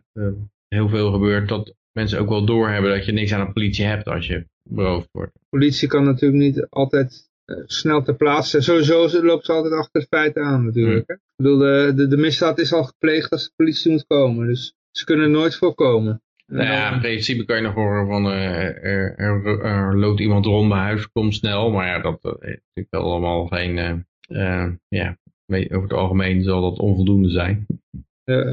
Zeker inderdaad als je op een klein dorpje zit. Ja, denk ik dat op een klein dorpje, dat de mensen misschien toch nog wel vuurwapens hadden. Mm Over het algemeen kleine dorpjes, die, die, die zijn toch niet zo goed te controleren als mensen in de, als in de stad. Maar goed, ja, um, er is nog meer gebeurd in Italië. Ze willen het goud vorderen van de centrale bank. Dat is al ouder, toch? Ja, maar... een nieuwe episode. Nou, vorige week niet behandeld, geloof ik. Uh. Ja, oh. klopt. dus vorige week kwamen we er niet aan toe. Maar dit is uh, heel verdacht eigenlijk. Dat, uh, ja, nou is er een, ja, de titel zegt Italy moves to seize gold from central bank. Dus Italië pakt goud van centrale bank. Maar Italië pakt natuurlijk niks, want Italië heeft geen handen. Dat betekent dat er gewoon politici zijn die zeggen van, hé, hey, uh, er ligt een hele hoop geld in die centrale bank. En wij hebben een heleboel goede doelen ervoor. En die zeggen dan, het geld is van de mensen. Dus uh, wij gaan het afpakken en we gaan er een paar mooie programma's van beginnen. En daar, ja, dit is natuurlijk gewoon een manier van het budget van de, van de overheid uh, te vergroten. En ja, dit is niet goed voor de, ja, voor de betrouwbaarheid van de overheid, denk ik. Het is natuurlijk wel zo dat ook in de libertarische wereld zou alles van de bevolking zijn. Maar dan zou je gewoon het goud ja, moeten verdelen onder de bevolking. Of je zou het... Ja, mensen compenseren die beroofd zijn. Ja, ja. ja, waar het uiteindelijk van afgepakt is. Nou wordt dat natuurlijk heel moeilijk als je zo'n situatie krijgt als we wat net bespraken van de, de Bank of Japan. Als de centrale bank een hele hoop geld drukt en die koopt er een heleboel goud van op de markt dan is natuurlijk altijd de vraag van wie, wie is het nou gestolen? Uiteindelijk, uiteindelijk is het gestolen uh, van alle houders van geld op dat moment. Want doordat de overheid een heleboel geld bijdrukt, of de centrale bank een heleboel geld bijdrukte, er werd al het geld instantaan minder waard. Of toen, eigenlijk niet instantaan, maar toen ze het uit begonnen te geven. maar hoe vrijwillig was de transactie eigenlijk? Dus de centrale bank zegt, nee, nee, nee dat, is niet vrijwillig, nee. Natuurlijk, de, als een, een, vrij, een centrale bank heeft een monopolie, dat is met geweld verdedigd. Ja. Dus als iemand anders het doet en geld gaat drukken, dan wordt hij gearresteerd. Dus het is... Het is uh, dus die, die mensen die goud kochten aan de centrale bank, die hadden geen keuze? Nee, die hadden wel een keuze, denk ik. Ja. Dus, uh, maar ik denk dat de mensen die het geld vasthielden, die hadden geen keuze over of de centrale bank de waarde van hun geld zou verminderen door een heleboel geld bij te drukken. Uh, nou, ja, het is een gewelddadige scheme is duidelijk. Hè? En, ja. Eigenlijk, is, eigenlijk wordt er van alle mensen die geld hebben, wordt er geld gestolen zonder dat, dat, dat je met de hand in een zakker zit. Door er geld bij te drukken en dan kopen ze er goud van. Maar als je dan zegt, ja, het moet naar de rechtmatige eigenaars terug. Dan wordt het nog heel lastig. Van, dan moet je op het moment van aankoop van het goud kijken wie het geld vast had. En ja, dat wordt natuurlijk heel lastig. Een soort uh, bitconnect met wapens. ja. Ik denk dat het meest praktisch zou zijn om het gewoon te verdelen. Maar dat zijn deze politici zeker niet van plan, denk ik. Hm. Die willen dat geld gewoon uh, weer een of andere renovatie aan uh, het parlement laten uitvoeren bijvoorbeeld. Waar een heleboel dure architecten aan komen werken die verdomd veel goed geleerd zijn aan de politici die het geld uitgeven. Zoiets. Mm Maar Italië staat natuurlijk al financieel heel moeilijk voor. En het is al een beetje zo'n nagel in de doodskist van de euro. En daarmee samenhangt ook Frankrijk, die enorm veel geld aan Italië weer geleend hebben. En het is natuurlijk een veel grotere economie dan Griekenland. Het is niet zo'n, uh, ja, het is niet iets wat je, wat je even weg kan slikken met een bail-out. Dat wordt nog heel lastig. En ja, als die hun goudreserves er ook nog doorheen gaan jassen, ja, dan lijkt me wel dat, dat het einde een beetje in zicht komt. Ja, maar aan de andere kant is het toch wel het doel van, van de EU, van het belonen van falen. Ja, ja, dan kunnen ze daarna gaan ze natuurlijk analyseren en dan zeggen ze ja, we hadden ook een Europees leger moeten hebben en een Europese wetgever en alles Europees. Want uh, ja, als je maar een gedeelte van de knoppen in handen hebt, dan uh, kan het natuurlijk nooit werken. We moeten alle knoppen in de handen hebben in Brussel. Ja, dat Ja. zal zeker de uitkomst zijn. Ja, Klaas? Hm? Had jij er nog een mening over? Laatst is het al één uur, die is al een beetje... Ja, oké, oké. Wat, eh, waar gaat het over? Ja. Oké, oké, nou maar. Wat moet, er, wat moet er in Brussel gebeuren? Waar moet Ja. ik me over opwinden? Ja, precies. Nou, oké, ja, EU wijst eh foutieve URL's aan als eh, terroristische content. Ja. Update, update. Is dat Vrijheid Radio erbij? ja, maar- ja, wanneer staan wij erbij? Ja. Nog niet. Een bericht van tweakers, eh Klaas?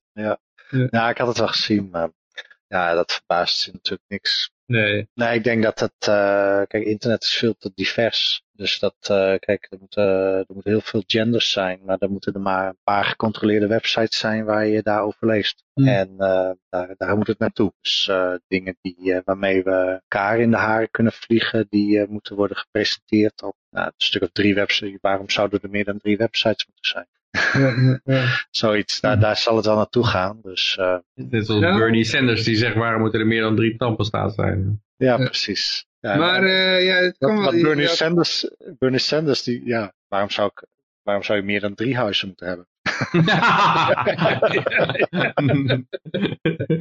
ik, had al, ik had vandaag getweet, ik zei van, eh, ehm, vanuit zijn tweede vakantiewoning verdedigt de persoonlijke staf van Bernie Sanders zijn tax returns. ja, Hij hoort nou bij de 1%, hè? ja, nou dat wisten we toch allemaal wel. Ja, maar eh, ja, over dit bericht, eh, het kan wel inderdaad wel iets met Vrijheid Radio te maken hebben, want het gaat over de Internet Archive. Eh, de, de mp3's, eh, mocht jij een podcastluisteraar zijn, dan weet je het misschien al. Jouw, de mp3's van Vrijheid Radio die je elke keer downloadt, die eh, komen niet van iTunes. Nee, iTunes heeft geen eh, opslagruimte. Je moet als podcaster zelf voor je opslagruimte zorgen.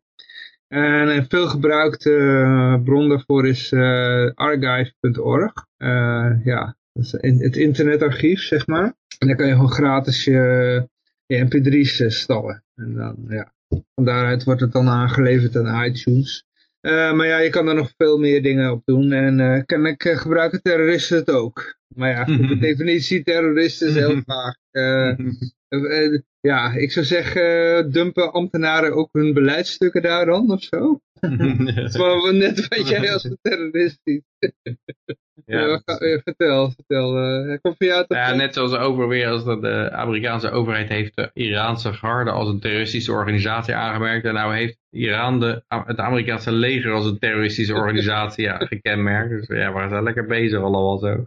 Ja, Maar de, eh, de EU Internet Referral Unit die heeft een serie van e-mails verstuurd waar ruim 550 URL's worden geïdentificeerd als terroristische propaganda. Deze e-mails zijn verstuurd met als doel om de URL's offline te halen. Internet Archive zegt hierover te berichten omdat het volgens de organisatie een voorbeeld is dat goed illustreert hoe de aankomende EU-wetgeving afbreuk zal doen aan de vrije informatieverspreiding en de vrijheid van meningsuiting. Ja, dat lijkt me logisch. En het rare is dat ik begrijp nog steeds wonderbaarlijk vinden dat mensen zeggen nee, maar net neutrality, dat moet je gewoon aan de overheid toe vertrouwen, want die gaan ons daar beschermen. Terwijl je gewoon, ja nee, maar de andere tak van de overheid, ja, die gaat je gewoon natuurlijk compleet naaien. Die gaat eh draconische Orwelliaanse eh, ja, begripsvervaging doen, zoals eh, inderdaad het begrip terrorisme zo verbreden dat uiteindelijk alleen nog staatspropaganda er door- doorheen mag.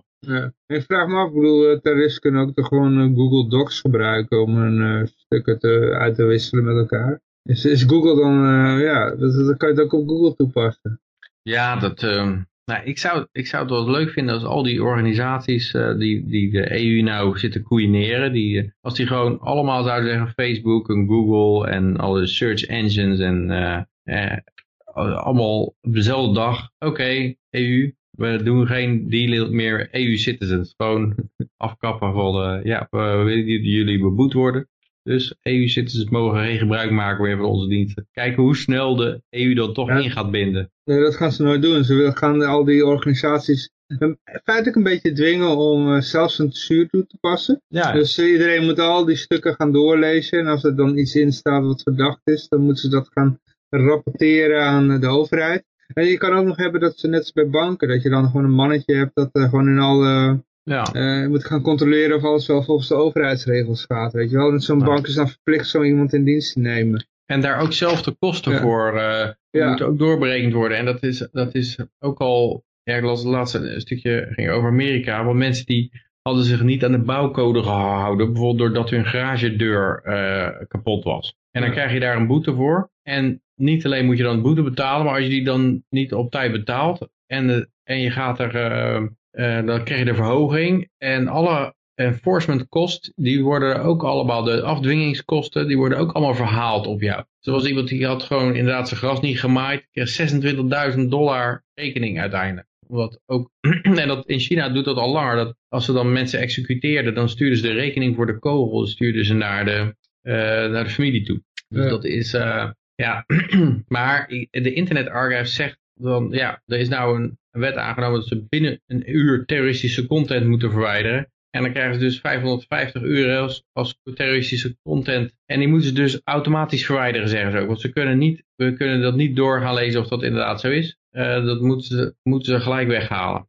Dus dat betekent eigenlijk dat de EU gewoon bepaalt wat er op het internet komt staan. Ja. Maar uiteindelijk, ik, weet niet of je als eh, de laatste tijd opgevallen is op YouTube. Dat, dat je iedere keer eh, twee van die hele lange reclamespotjes krijgt voordat je een filmpje kan zien. Is dat wel eens Hm. opgevallen? Weet je, recla reclamespeeltje krijg je. Dus je wil even gewoon een, een- je gaat naar YouTube toe en je wil Ja. een muziekvideo zien. Dan krijg je eerst twee ellenlange reclamespotjes te zien. Ja. Ja, Maar- vanaf waar je VPN op, op welke kant je VPN zet. Oh, ik heb die reclamespotjes die dan niet helemaal van toepassing zijn meer op jou. Omdat, omdat je in een ander land zit. Ja, ik, ik zie ze dan in één keer in Servisch of zo, maar eh, goed. Hangt er vanaf welke land ik het heb staan. Maar, maar je krijgt sowieso, als je volgens mij binnen de EU zit, dan eh, krijg je twee hele lange reclames, eh, reclamespotjes te zien en dan pas kan je je filmpje bekijken. Hm. Nee, En, ik denk dat je, volgens mij kan je dat aanzetten. Als jij je, als het gemonetariseerde video's zijn, dus video's waar de maker geld aan kan verdienen, dan moeten er reclames ook in eh, zijn. Ja, nee, dat kan je wegzeppen, maar dit zijn gewoon, die, kan je, die, moet je gewoon kijken en anders kan je de content niet zien. Hm. Dus eh, je kan wel heel lang op F5 drukken, maar je blijft gewoon die reclamespotjes zien. Dus ehm, zelfs met Brave of met Tor, noem maar op, je, je, je ziet ze gewoon. Je, je kan, ontkomt er niet aan. En dat is gewoon allemaal om de kosten, te, die, die- de rekening die ze naar Google hebben toegestuurd voor, eh, voor dit soort dingen, die, die laatste wetten die ze allemaal doorgejaagd hebben. Dit is het resultaat.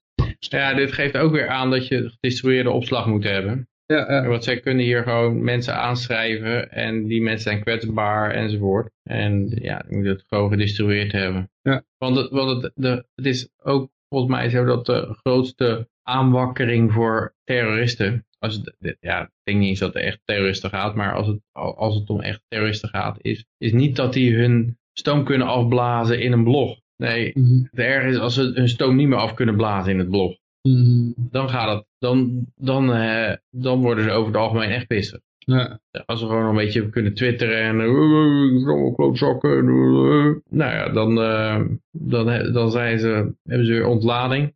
Maar dan hoeven ze niet eh, tot actie over te gaan. Maar pas als het zwijgen wordt af, opgelegd, ja, dan krijg je dat ze tot actie overgaan. Maar ja, ik denk over het algemeen niks met, met eh, terrorisme te maken heeft. Terrorisme zal de EU worst zijn. Eh, Ja, ze, ze- willen ze- natuurlijk ze gewoon eh, controleren wat er, ja, het gewoon, zij zijn de terreurorganisatie en zij willen bepalen wat er, wat er te lezen is en wat niet. Nee, de terreur zijn zij. Zij willen de terreur zijn. Ja. Eh, let- letterlijk het woord terreur betekent angst. Het gaat om angst zaaien. Klopt. Nou ja, wat is Zij de willen- Ja, precies. Zij willen ons een boodschap van angst geven. Ja, En, hoef ze nou eh, maar aan te zetten en je hoort alleen maar angst. Precies. Het is heel makkelijk eh, om eh, niet eh, terreur te zaaien. Je hoeft er gewoon geen mensen geen angst aan te jagen. Want er, er gebeurt weinig in de wereld dat als het niet eh, via een eh, betaald eh interestkanaal bij jou terechtkomt, dan weet je het gewoon niet. Dan heb je helemaal geen reden om er bang voor te zijn. Ja. Dus het is, eh, ja, het is puur mensen die daarin investeren om jou dat te vertellen. En die, eh, de echte terroristen die hebben helemaal niet de middelen om jou terreur te serveren. Dus uh, het zijn doelbewust juist de, uh, de mensen die helemaal niet door deze maatregelen getarget worden. Het, het zijn juist die mensen zelf vaak die, uh, die ons die terreur presenteren. Ja, ja. Ja, maar even kijken, waar, waar, waar waren we eigenlijk? Online. Oh ja, bij de EU. Ja, ja, ja, ja. Oh ja, en trouwens, ik, ik, ik had net over Google, um, dat is ook een van de gevolgen van die maatregelen, dat de Google-diensten die houden ermee op, hè. De, de URL-shortening van dienst van, de, van Google is ermee opgehouden. Oké. Okay. Ja, ik weet niet of je het gemerkt had. Maar ik kan geen, uh, oh ja, ik wel. ik moest nou overstappen naar de concurrent. Ja, maar het zijn allemaal van die maatregelen. Dus je, je ziet gewoon bij, uh, ja, Google die heeft een enorme rekening van de EU gekregen. En je ziet gewoon dat Google die houdt gewoon mee op met een aantal diensten. Mm. Ja, en uh, voor sommige diensten wordt ook al geld gevraagd. Want ja, de rekening van de EU moet betaald worden. Mm. Ja, ja. Dus, uh, ja, ik zou het wel eens leuk vinden als ze inderdaad gewoon uh, de hele zaak eventjes uh, afsloten. En kijken hoe het Nederlandse bedrijfsleven zich dan moet redden zonder search engine. Ja, maar goed, dan gaan ze gewoon naar, uh, naar DuckDuckGo of uh, Yahoo of wat dan ook. Ja, er zit toch nog wel een verschilletje in. Uh, ja, inderdaad. Die, ik, ik merk het zelf ook wel. Ik, ik gebruik veel DuckDuckGo, maar inderdaad, daar zit ik me vaak, nog vaak te ergeren van, uh, van de resultaten die ik dan krijg. Mhm. Af en toe moet ik dan toch nog eens even naar Google gaan. Wat zoek je dan? Want ik heb helemaal geen moeite mee. Nee, oh, ik wel. Ik krijg bij DuckDuckGo krijg ik af en toe gewoon echt onzin de resultaten. Maar goed, maakt niet uit. Uh, we hebben nog één artikel liggen. De VVD maakt zich boos. Nederlandse Euro Europarlementariërs hebben zitten slapen. Jo. Ja, ja. Het gebeurt wel vaker dat... Ja. Uh, zullen, ook VVD, zullen ook wel VVD-Europarlementariërs uh, zitten Mhm. slapen? Of, Ja, ze hadden natuurlijk ook laatst al met die GDPR, die privacy ellende, dat ze eigenlijk de verkeerde knop hadden gedrukt omdat er wat dingetjes waren omgedraaid. Maar ze komen nou gewoon niet eens meer opdagen. Eigenlijk is er gewoon, er is weer iemand die zich opwindt, want die veel Nederlandse Europarlementariërs die komen helemaal niet opdagen bij de stemming over dat, dat we, die WW in het buitenland ontvangen. ja. En nou gaat dat waarschijnlijk gewoon door. Zullen gewoon meer geld hebben? Ja, ja hoor eens. Uh, ze, hebben, ze hebben ingecheckt, ze hebben de kaart geklokt en een dagvergoeding binnen en uh, wegwezen. Ja. Uh, we kijken het wel mooi met dat stemmen. Uh, dat is helemaal nergens goed voor. Maar dit gaat gewoon om uh, geld waar ze voor hebben afgedragen, toch? Nederland is fel tegen de verlenging van de export-WW. Nee, want jij, als jij uh, in Nederland werkt, dan moet je er ook voor afdragen. Dus je hebt er gewoon voor betaald. Dus waarom zou je niet WW krijgen? Ja. Ja. Ja, maar dit is voor, uh, ook voor mensen die, die uh, hun arbeidsverleden in het buitenland, geloof ik. Dat hebben we twee weken geleden besproken. Ja. Je kan zeggen, van, ik, ik heb 16 jaar als standaard gewerkt in uh, Servië. Ja. En dan telt dat ook mee voor je uitkeringhoogte. Mm -hmm. in, als je hier even twee maanden komt werken, ja. werkloos wordt en dan weer teruggaat, dan krijgen we een hele dikke uitkering. Ja, ja we zeiden toen ook al van, ja, dus eigenlijk moeten wij naar Bulgarije gaan. Uh, ja, ik weet niet of dat de conclusie nou ja, als jij, uh, als jij je WW kan uit meenemen, ja, ja. dan kun je in een goedkoop land gaan wonen natuurlijk. Precies. Dat is, ja, uh, ja, ja. Dat, ik, ik, denk dat je het sowieso moet kunnen overwegen. Als je... Gewoon naar een land gaan waar, eh, waar je met 1 euro gewoon meer kan kopen. Ja, dat is op zich heel logisch. Waarom zou je jezelf uh, het vuur aan de scheen leggen? Ik denk dat Nederland is nog steeds een mooi land en het is uh, goed genoeg om af en toe op vakantie te zijn. Ja. Waar, waarom zou je erin willen wonen? Nee, de mensen zitten toch gewoon in hun huis. Nou, dan, uh, dat als je dat huis op een mooiere plek in de berg in de natuur zet uh, voor de, een derde van de prijs of nog goedkoper. Dat is toch, waarom niet? Ja, ja. maar goed, we hebben er gewoon helemaal niks op nee, ik heb er niks meer over te zeggen, nee. nee. Ik ben sowieso al klaar. ja, ja. Weer uh, helemaal rap. Leuk dat de VVD een mening heeft, maar uh, ja, ja uh, is ik, niet de oplossing. Ja, je, wat je hieruit mee moet krijgen is dat de VVD enorm wakker ligt van hoe belastinggeld uitgegeven wordt. Ja, ja. Wat zitten die met hun vingers erop te knip? Ja, inderdaad. Daar heb je alles mee gezegd. ja, goed. Nou ja, we gaan na de uitzending nog even verder ouwe hoeren over, over crypto's en zo. Daar waren we nog, sowieso nog niet over uitgeluld, dus we blijven hangen. Maar ik ga in ieder geval de eindtune inluiden. En ik wil iedereen danken voor het luisteren en het deelnemen. En uiteraard zijn we volgende week weer. En ik wens iedereen een vrolijke en vooral heel erg vrije week toe.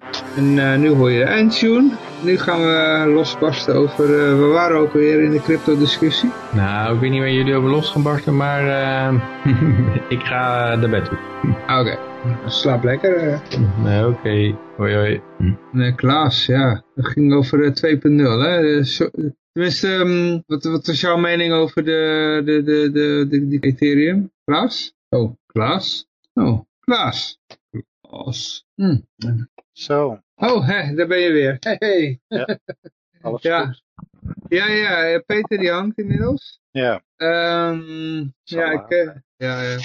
Nou ja, zoals ik, ik, ik heb de uitzending afgekondigd, maar uh, ik, ik zei van, we gaan nog even hebben over crypto. Ja. Nee. Wat is jouw mening over die, uh, die contracten die je ziet met, zoals met Ethereum en zo? Uh, we hadden het eigenlijk met de afgelopen crypto discussie, waar daar een beetje blijven hangen, hè, bij de 2.0. Mm -hmm. Ja, ja, wou je daar nog iets over zeggen? Ja, ja, nou ja, je vroeg aan jou, uh, wat is jouw mening dan over de... Ah, ik had al wat antwoord gegeven. Kijk, ik ben op zich wel geïnteresseerd in uh, techniek dat je gewoon in die blockchain uh, beter dingen kwijt kunt. Nou, die blockchain technologie, die lost bepaalde uitdagingen op. En um, ja, ik vind, het, ik vind het geen vooruitgang als je zeg maar weer een stap terug gaat in technologie. Dus als je dan blockchain heb je beschikbaar, maar dan ga je toch weer zwakkere vormen van uh, ja, data uh, en overeenkomsten of transacties ga je gebruiken om een product aan te bieden. En kijk, soms kan het geen kwaad. Vind je Ethereum een zwakte? Nee, nee, nee. Ethereum is ook gewoon een blockchain. Maar wat ik meer bedoel is dat je... Hm. Uh, nou, Ethereum had een zwakte. En dat was inderdaad met de, dat bleek toen met de DAO. Ja, je, je hebt genoeg bericht over Ethereum gehad dat, uh, dat de taal uh, gaf dan... ja, dan was opeens waren bedragen niet meer beschikbaar. Omdat iemand een, een, een, actie had uitgevoerd. En het zijn allemaal van die dramatische verhalen over verloren of toch gestolen crypto. Ja. Ja, kijk, Cardano die meet dan weer een oplossing gevonden hebben voor dit probleem. En dat is, uh, ja, dan moet ik het even lezen van hun website, het is in het Engels. Maar ja goed, die hebben dan een ecosysteem, dat is dan Cardano. En daar opereren een cryptocurrency genaamd ADA en allerlei smart contracts, die opereren daarop. Ja, tot 2020 is het allemaal nog work in progress. Als het dan klaar is, dan moet het een, en ik lees het nou even voor, een self-sovereign infrastructure layer that is governed through a liquid on-chain democracy, ja, ja, where stakeholders uh, determine the future course of the system. Ja, klinkt allemaal heel mooi. Ja. Nou, kijk, je krijgt toch, uh, maar het, het, is allemaal een beetje, kijk, het moet eigenlijk sterker, het moet eigenlijk nog beter zijn dan de, de, de blockchain zelf. Dat is het. En dat is het vaak niet. Dan ga je, nee, dan ga je menselijke dingen introduceren. Of je gaat gewoon weer oude houtje-touwtje technieken uh, introduceren om dingen gedaan te krijgen. En dat is op zich ook prima. Ja, want in, veel, veel, in veel gevallen kan het niet kwaad als je gewoon uh, ja, iets leuks gaat doen. Uh, of bijvoorbeeld een spel spelen via de blockchain. En ja, als je dan de, de tirantijntjes eromheen die niet in de blokken worden vastgelegd. Als je daar dan mee gaat knoeien, ja, dan uh, ga je hooguit een beetje vals spelen, maar daar wordt ook verder niemand door geraakt. Mm -hmm. Dat is nog tot daaraan toe, maar um, ja, echte transacties bijvoorbeeld, wat je dan krijgt, dan krijg je bijvoorbeeld met Bitcoin, krijg je met Lightning Network, krijg je een oplossing die niet in de blockchain zit. Dus yeah. ja, dat betekent in mijn ogen twee dingen. Dat betekent of ze hebben iets uitgevonden wat nog beter is dan de blockchain, mm -hmm.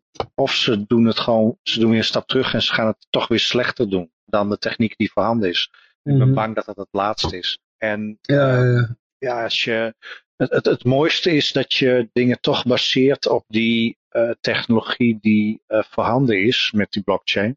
Ja, en het is natuurlijk vervelend als je ja, dan in volumes komt dat het niet praktisch wordt. En, uh, maar dan, als je daar gaat, van gaat afwijken, dan en je gaat zeggen, we gaan toch een beetje weer gewoon met persoonlijke mens, mens persoonlijk doen. Ja, dat is, dat is volgens mij ook niet een goed opgelost probleem, dat je echt anoniem bent. Ja. Uh, kijk, je, heel vaak is jouw anonimiteit is een kwestie van uh, wie is degene die daarmee bezig is. En Ja. voor heel veel uh, huistuin- en keukenzaken uh, is, zijn er middelen om genoeg anonimiteit te bemachtigen. Ja. Maar ja, kijk, uiteindelijk is echte anonimiteit of echte onafhankelijkheid, die distributie, dat is alleen maar van belang voor dingen die, die essentieel zijn. Er zijn.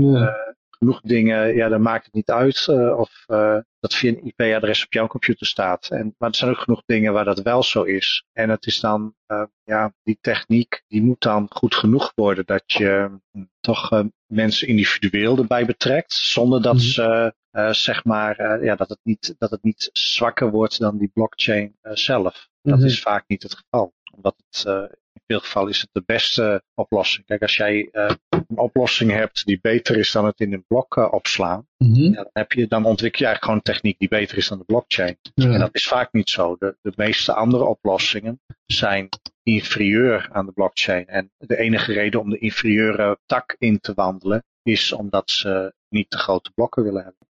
Nou, en ik denk dat je, eh, dat ik het liefst zou zien met eh, Bitcoin, is dat ze gewoon eh, de, de echte grote Bitcoin, die de naam heeft, die iedereen kent, dat die gewoon eh, ja, een klein beetje meegaan met die blok, blokgrootte. Ze hoeven voor mij echt niet meteen absurde dingen te doen, maar dat ze in ieder geval bijblijven bij het normale gebruik. Ja. En ja, geef maar gewoon wat ruimte. Ik, ik ken me- dat Lightning Network, ja, dat, dat is eh, ja, dat is complex en dat heeft een beetje de aard van een, van een softwareoplossing, zoals je die wel vaker eh, te horen krijgt. Hè? Dat eh, eerst wordt, het kost een jaar. En als je een jaar verder bent, dan kost het nog twee jaar. Ja. En, nou, dat is heel stereotyp met als je voor een probleem staat wat inderdaad moeilijk op te lossen is. En dat is, ja, je zoekt eigenlijk een, een oplossing die minstens zo goed is als blockchain, maar je wil niet blokken gebruiken. Dus ze hebben een, ja, die mensen die proberen het off-chain solutions eh, aan te reiken, ja, die, die hebben zichzelf een eh, zware dobber gegeven. Ja. En eh,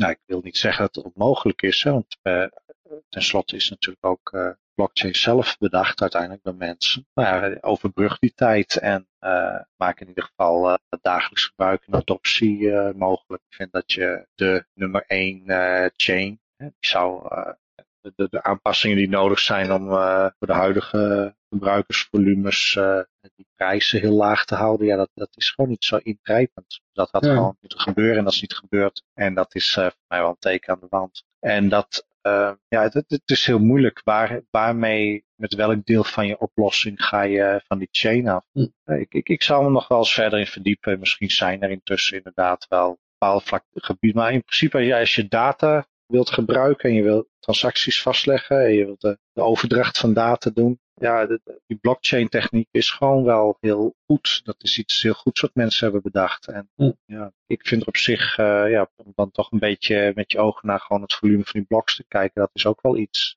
Welke ontwikkeling in, in blockchain zou jij heel enthousiast worden? Je Ja. denkt van, nou ja, dit is het. Hier heb ik altijd van gedroomd of zo.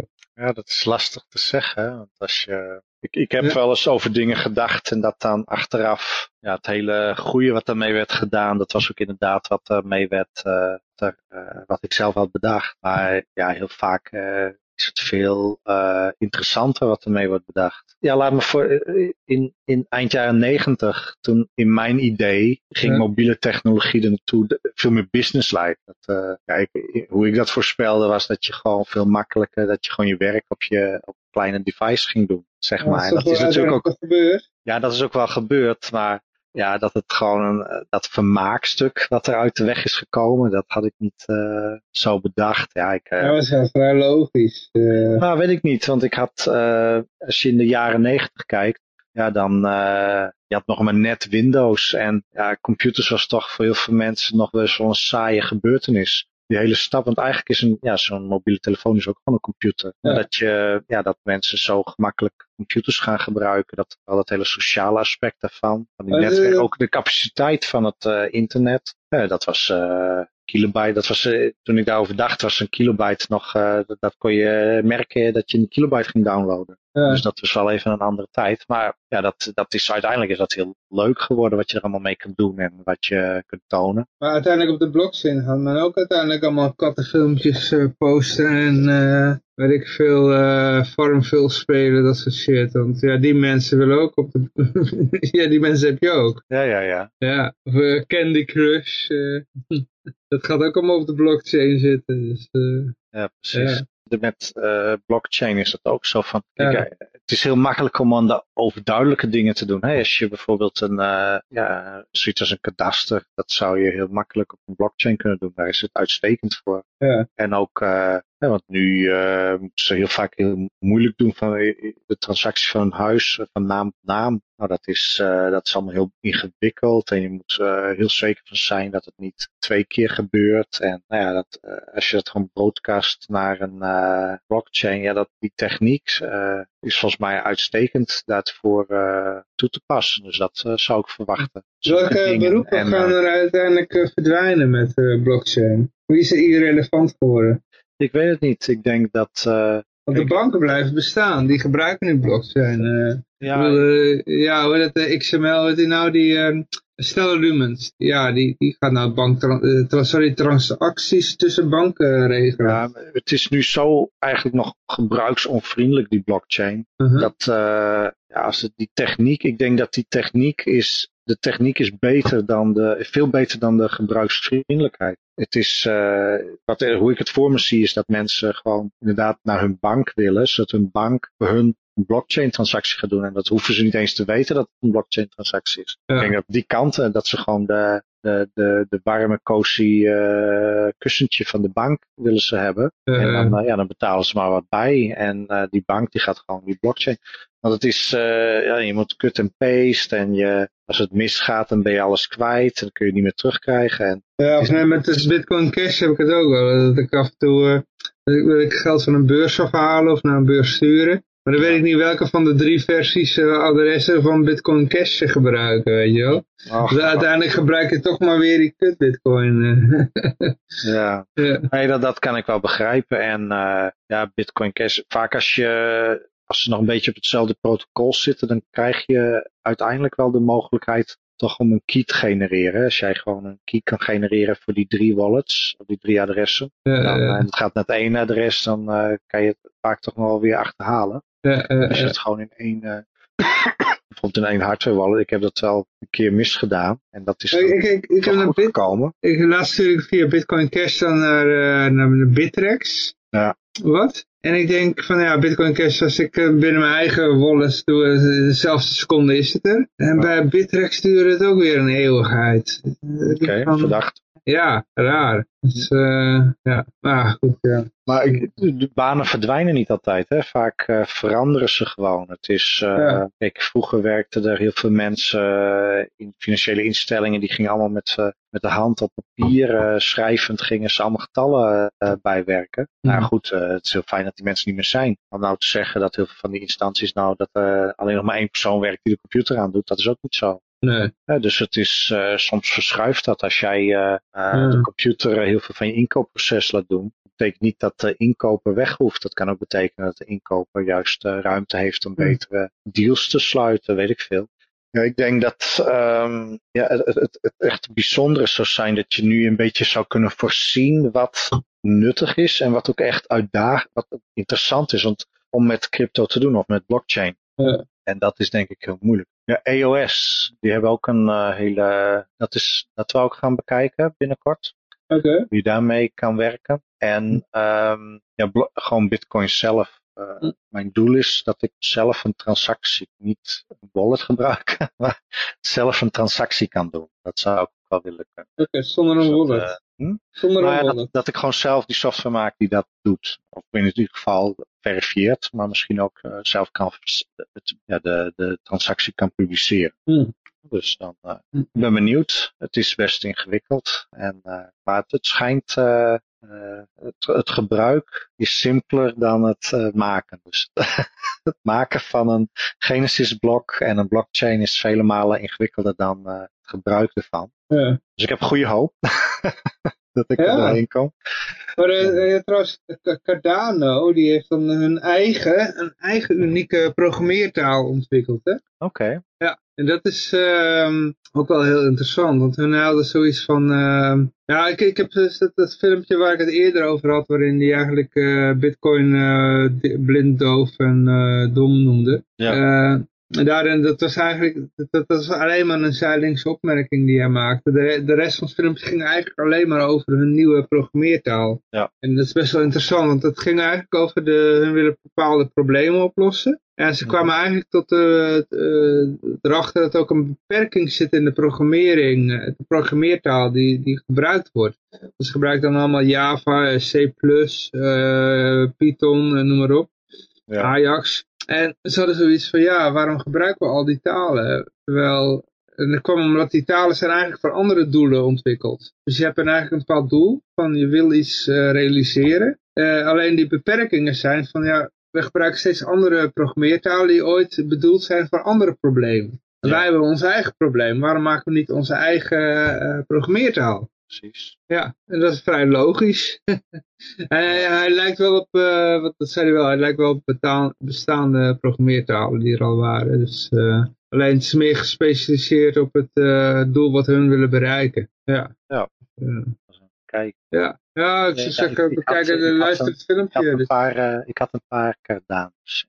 Oké. Of ADA heet dat dan. Nou ja. Ik heb, um, ik heb er ooit heel. Ik verwacht nog weer een, een, een dalletje. Dus het- komen nog goede inkoopmomenten aan. De bedoeling is uiteindelijk dat dat ding eh, individueel, hè, dat ze een paar dollar per stuk waard worden. Dan eh, moet ik maar een beetje verkopen dan. Ja, hij staat nu wel... Ja, je kan het ook gewoon vasthouden. Want het is net zoiets als wanneer je bitcoin ooit van euro hebt gekocht. Ik bedoel, ja. Dan ga je ook niet klagen van, eh, ja, ik heb het toen verkocht toen die 3 dollar was. En weer teruggekocht toen die... Nee, ja, ik bedoel, wat fuck maakt het dan nog uit, weet je wel? Nou ja, dan, dan, dat, dat hoeft niet slecht te zijn. Hè? Het, het Ja. is alleen, ja, beter, als je het had gehouden, dan had je de hele winst gepakt. Ja. Maar als jij eh, tussendoor eh, drie stages meepakt, en dat is alle drie met winst, ja, dat- winst is wel winst natuurlijk. Ja, Dat het minder is, dat je gewoon beter niks had kunnen doen. Ja, dat is soms kijk, wel de- moeilijk te begrijpen van tevoren. Dat, ik kan me best wel voorstellen dat als jij, eh, als het ding opeens drie, stel voor dat ADA, als dat drie dollar waard wordt, nou dan ga ik echt al verkopen. Ja. en als het, eh, ja, stel voor dat dat achteraf dom blijkt te zijn, maar wat moet je, dat, die dingen zijn nu eh, een paar cent per stuk. Ja. Dus als die, ja, als die drie dollar, dan is die, weet ik hoeveel keren over de kop gegaan. Ja. Dus dan, eh, ja, waarom zou je dan niet eh, winst nemen? Ik denk dat dat sowieso verstandig is. Nou, wat ik, doe, wat, ik doe, ik heb nou mijn eigen DA-adres uh, wallet. Dus ik denk, ik, ik koop af en toe gewoon steeds meer. Als er weer een keer in een dalletje zit, huppa, dan koop ik gewoon weer wat eh Cardano op. Uh, ja, ik heb ook uh, een munt gehad, nou ja, daar geloofde ik wel in. Toen heb ik hem niet verkocht, maar ik gewoon moeten doen. Ik had er uh, 3000 van. Nee, 4000. welke was dat dan? Wel, dan wil ik wel weten welke het was. Ja, Substratum. En dat was op een gegeven moment was oh.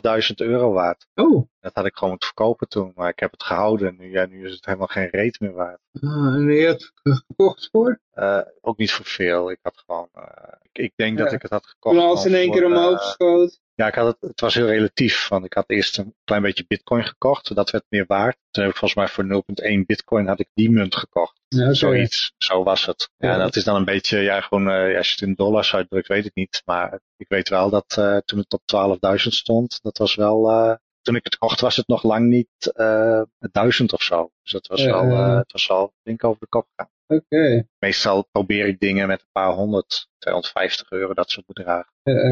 Zo. Nee, ik had wel vrij snel door dat als dingen echt in de groene cijfers staan, ja, sorry Jon, dan ben je gewoon te laat. En dan moet je niet gaan kopen. Die, dat de fear of missing, uh, die ja. FOMO, dat is echt een valkuil. En dan moet je heel snel bij jezelf herkennen. En gewoon accepteren van, ah, ik was te laat. En uh, we hebben nog 3000 andere coins. En uh, ga daar maar kijken of iets rood staat. En dan ga je dat kopen. Dus ja, maar nooit kopen als het in het groen staat, weet je wel. Echt, uh, ja, dat heb ik al heel snel geleerd. Maar de, de eerste keer dat ik op, op zo'n beurs zat, jaren geleden, toen heb ik eigenlijk meteen, ik heb, ik voor, volgens mij voor 2,50 euro of zo, had ik aan crypto gekocht. En ja. dan ging ik op zo'n beursje zitten spelen. En uh, meteen was het ook al, had ik al alles verloren eigenlijk. Het is net zoals okay. wanneer je ja. voor de eerste casino komt. Ja. Ik zag iets omhoog gaan en ik denk, oh, meteen net als Al Gore, dat hij op een ladder gaat staan en hij gaat helemaal daar naartoe. Ken je dat? Van, uh, nee, wat was dat dan? Ja, die hele bekende scène uit, um, uit die, die, die Uncomfortably Truth, hoe, hoe noem je dat? Oh. Ja. Die, die, die climate uh, docu. En dan zit hij, die, gaat hij die, uh, dat hockeystick model. Dan gaat hij op zo'n ladder staan en hij zegt, ja, die, dat is die hockeystick. En hij gaat helemaal daar naartoe. En terwijl iedereen, toen de tijd waren de cijfers al bekend, dat hij daarna gewoon omlaag ging en weer uh, oude voet verder. Ja. Hij gaat zeggen, het gaat omhoog. En dus dat is die, je ziet wat die mensen met fear of uh, missing out hebben, weet je wel. Van, ja. Iets gaat omhoog. En dan gaan we op die ladder staan en aanwijzen hoe hoog die nog gaat, weet je wel. Gaan Al Gore spelen. Dus ja, uh, dit soort uh, dingen die ken ik eigenlijk alleen maar van de South Park en andere parodieën die erop zijn gemaakt. Ik heb dat ding nooit in het echt gezien. En dat is wel de grap.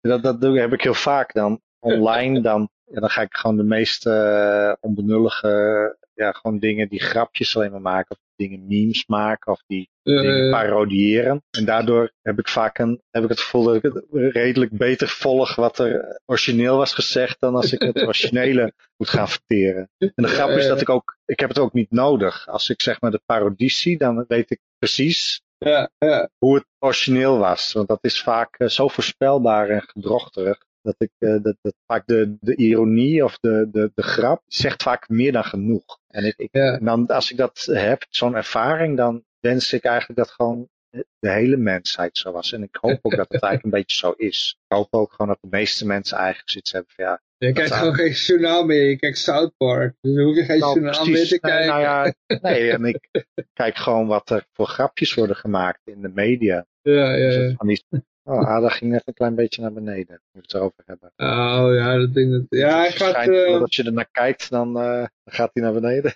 Ja. Ja. ja. Goed. Ja. Tijd voor bedje wordt het. Ja, uh, ja. Oh, ik weet niet eens hoe laat het is, joh. Veel te laat. Oh, het is één uur. Ja, middernacht. Ja, ik heb een glas wijn nog niet op, dus we kunnen nog doorlullen hoor. Maar uh, misschien of klink ik al dronken. Vast wel. Hebben mensen er ook wat aan om ons te horen? Ik weet niet, hij neemt nog op, maar nou, als ik het uh, met mijn nuchtere kop ga ik het allemaal editen. En als ik het niet interessant vind, dan uh, gooi ik het eruit hoor. Dus, uh, ah, heb, je wel eens, heb, je wel eens, heb je wel eens teruggeluisterd? Ja. Oké, en wat vond jij ervan? Ik vind het wel boeiend. Ik vind het ook wel leuk als je soms even een kort stukje post. Gewoon een kort geluidsfragment over een interessant ja, ja, ja. item. Dat vind ik leuk, ook om te horen.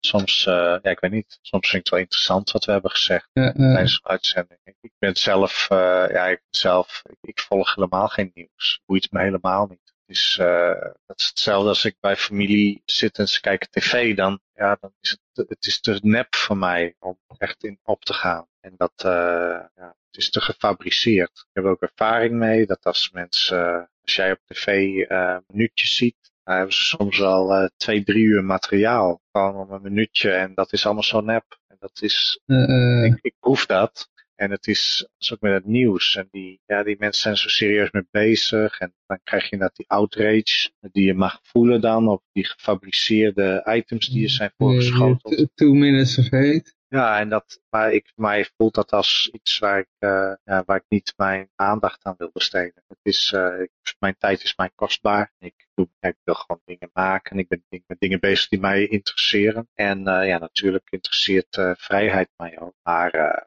ik vind het interessanter om te zien inderdaad wat er ja, wat met blockchain bezig is. Dus dat het mogelijk is. Dus dat probeer ik uit te zoeken. Maar soms hebben we wel gewoon een beetje meer filosofische kijken op zo'n item. Zo'n hele technische, inhoudelijke analyse van het nieuws. Ja, dan zit je een gefabriceerde uh, brok eten zit je verder uit te kouwen. Mm -hmm. En dat is, uh, ja, dat is interessant. En ik, ik snap wel dat, uh, ik ga ervan uit dat de mensen die bij het radio luisteren, dat voornamelijk daarvoor doen. Mm. Dan gewoon een beetje een andere kijk op het nieuws te hebben. Maar persoonlijk vind ik zelf meer de algemeen praten over de essentie vind ik uh, veel verfrissender. Vind ik leuk om over dingen na te denken. Dus, ja. ja. Maar ik weet niet, uh, misschien ben ik de enige. Misschien.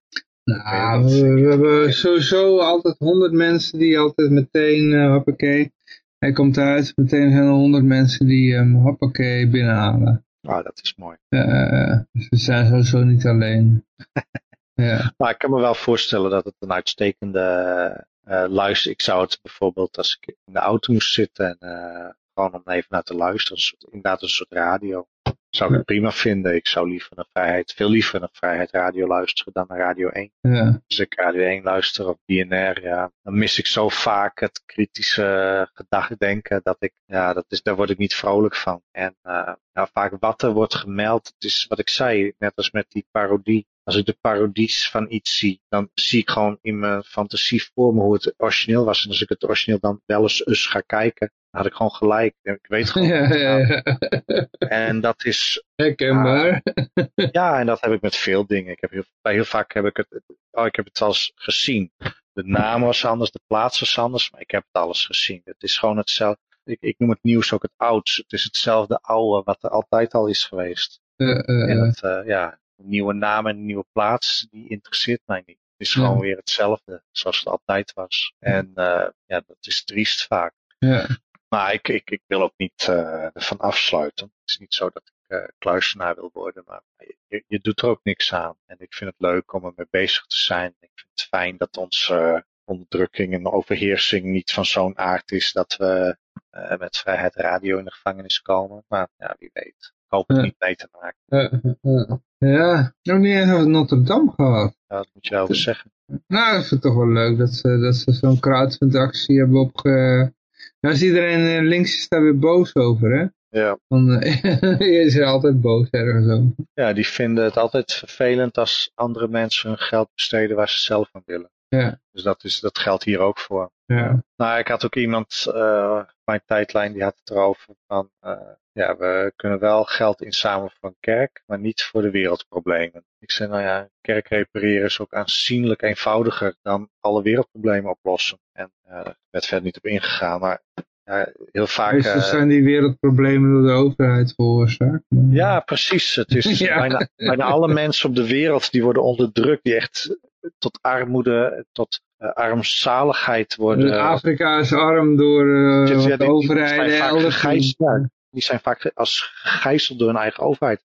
In Afrika of in Noord-Korea, als mensen het heel bar en boos hebben, dan is het vaak omdat er zijn heersers en legers die eh, gijzelen die mensen, die houden ze zo. Het is heel vaak als jij uh, die nobele hulp naar Afrika stuurt en het komt al aan, ja, dan mag het gewoon niet, uiteindelijk niet naar de nodige mensen, omdat er, Hij gaat naar de moet- warlord. hè. ja, je moet gewoon betalen. Als jij die mensen wil helpen, dan moet je ook de lokale gewapende mensen eerst betalen. Anders mag je niet helpen. Nou, en dat is uh, zielig, inderdaad. En een kerk in Frankrijk, ja, als je daar gewoon geld hebt, kun je gewoon mensen wiens vak het is om dat te doen, kun je inhuren. Dan ben je klaar. Dat is aanzienlijk eenvoudiger. Ja. Ik ben wel een keer naar Parijs geweest, wel vaker, maar ik, ben ook, ik heb ook wel eens voor het ding gestaan. En toen stond er zo'n bizar lange, onnozele rij van mensen, voor die allemaal netjes stapje voor stapje erheen wouden. Ja. Ik dacht, nou, hier heb ik helemaal geen zin in. Nou, van binnen valt er. Net, net, net voor geen goud. andere... Voor geen Ja, goud krijg je mij in die rij. Kijk, als ik... eh, Ik wist niet eens dat ik erin was geweest. Ik zag een keer bij Facebook kreeg zo'n herinnering.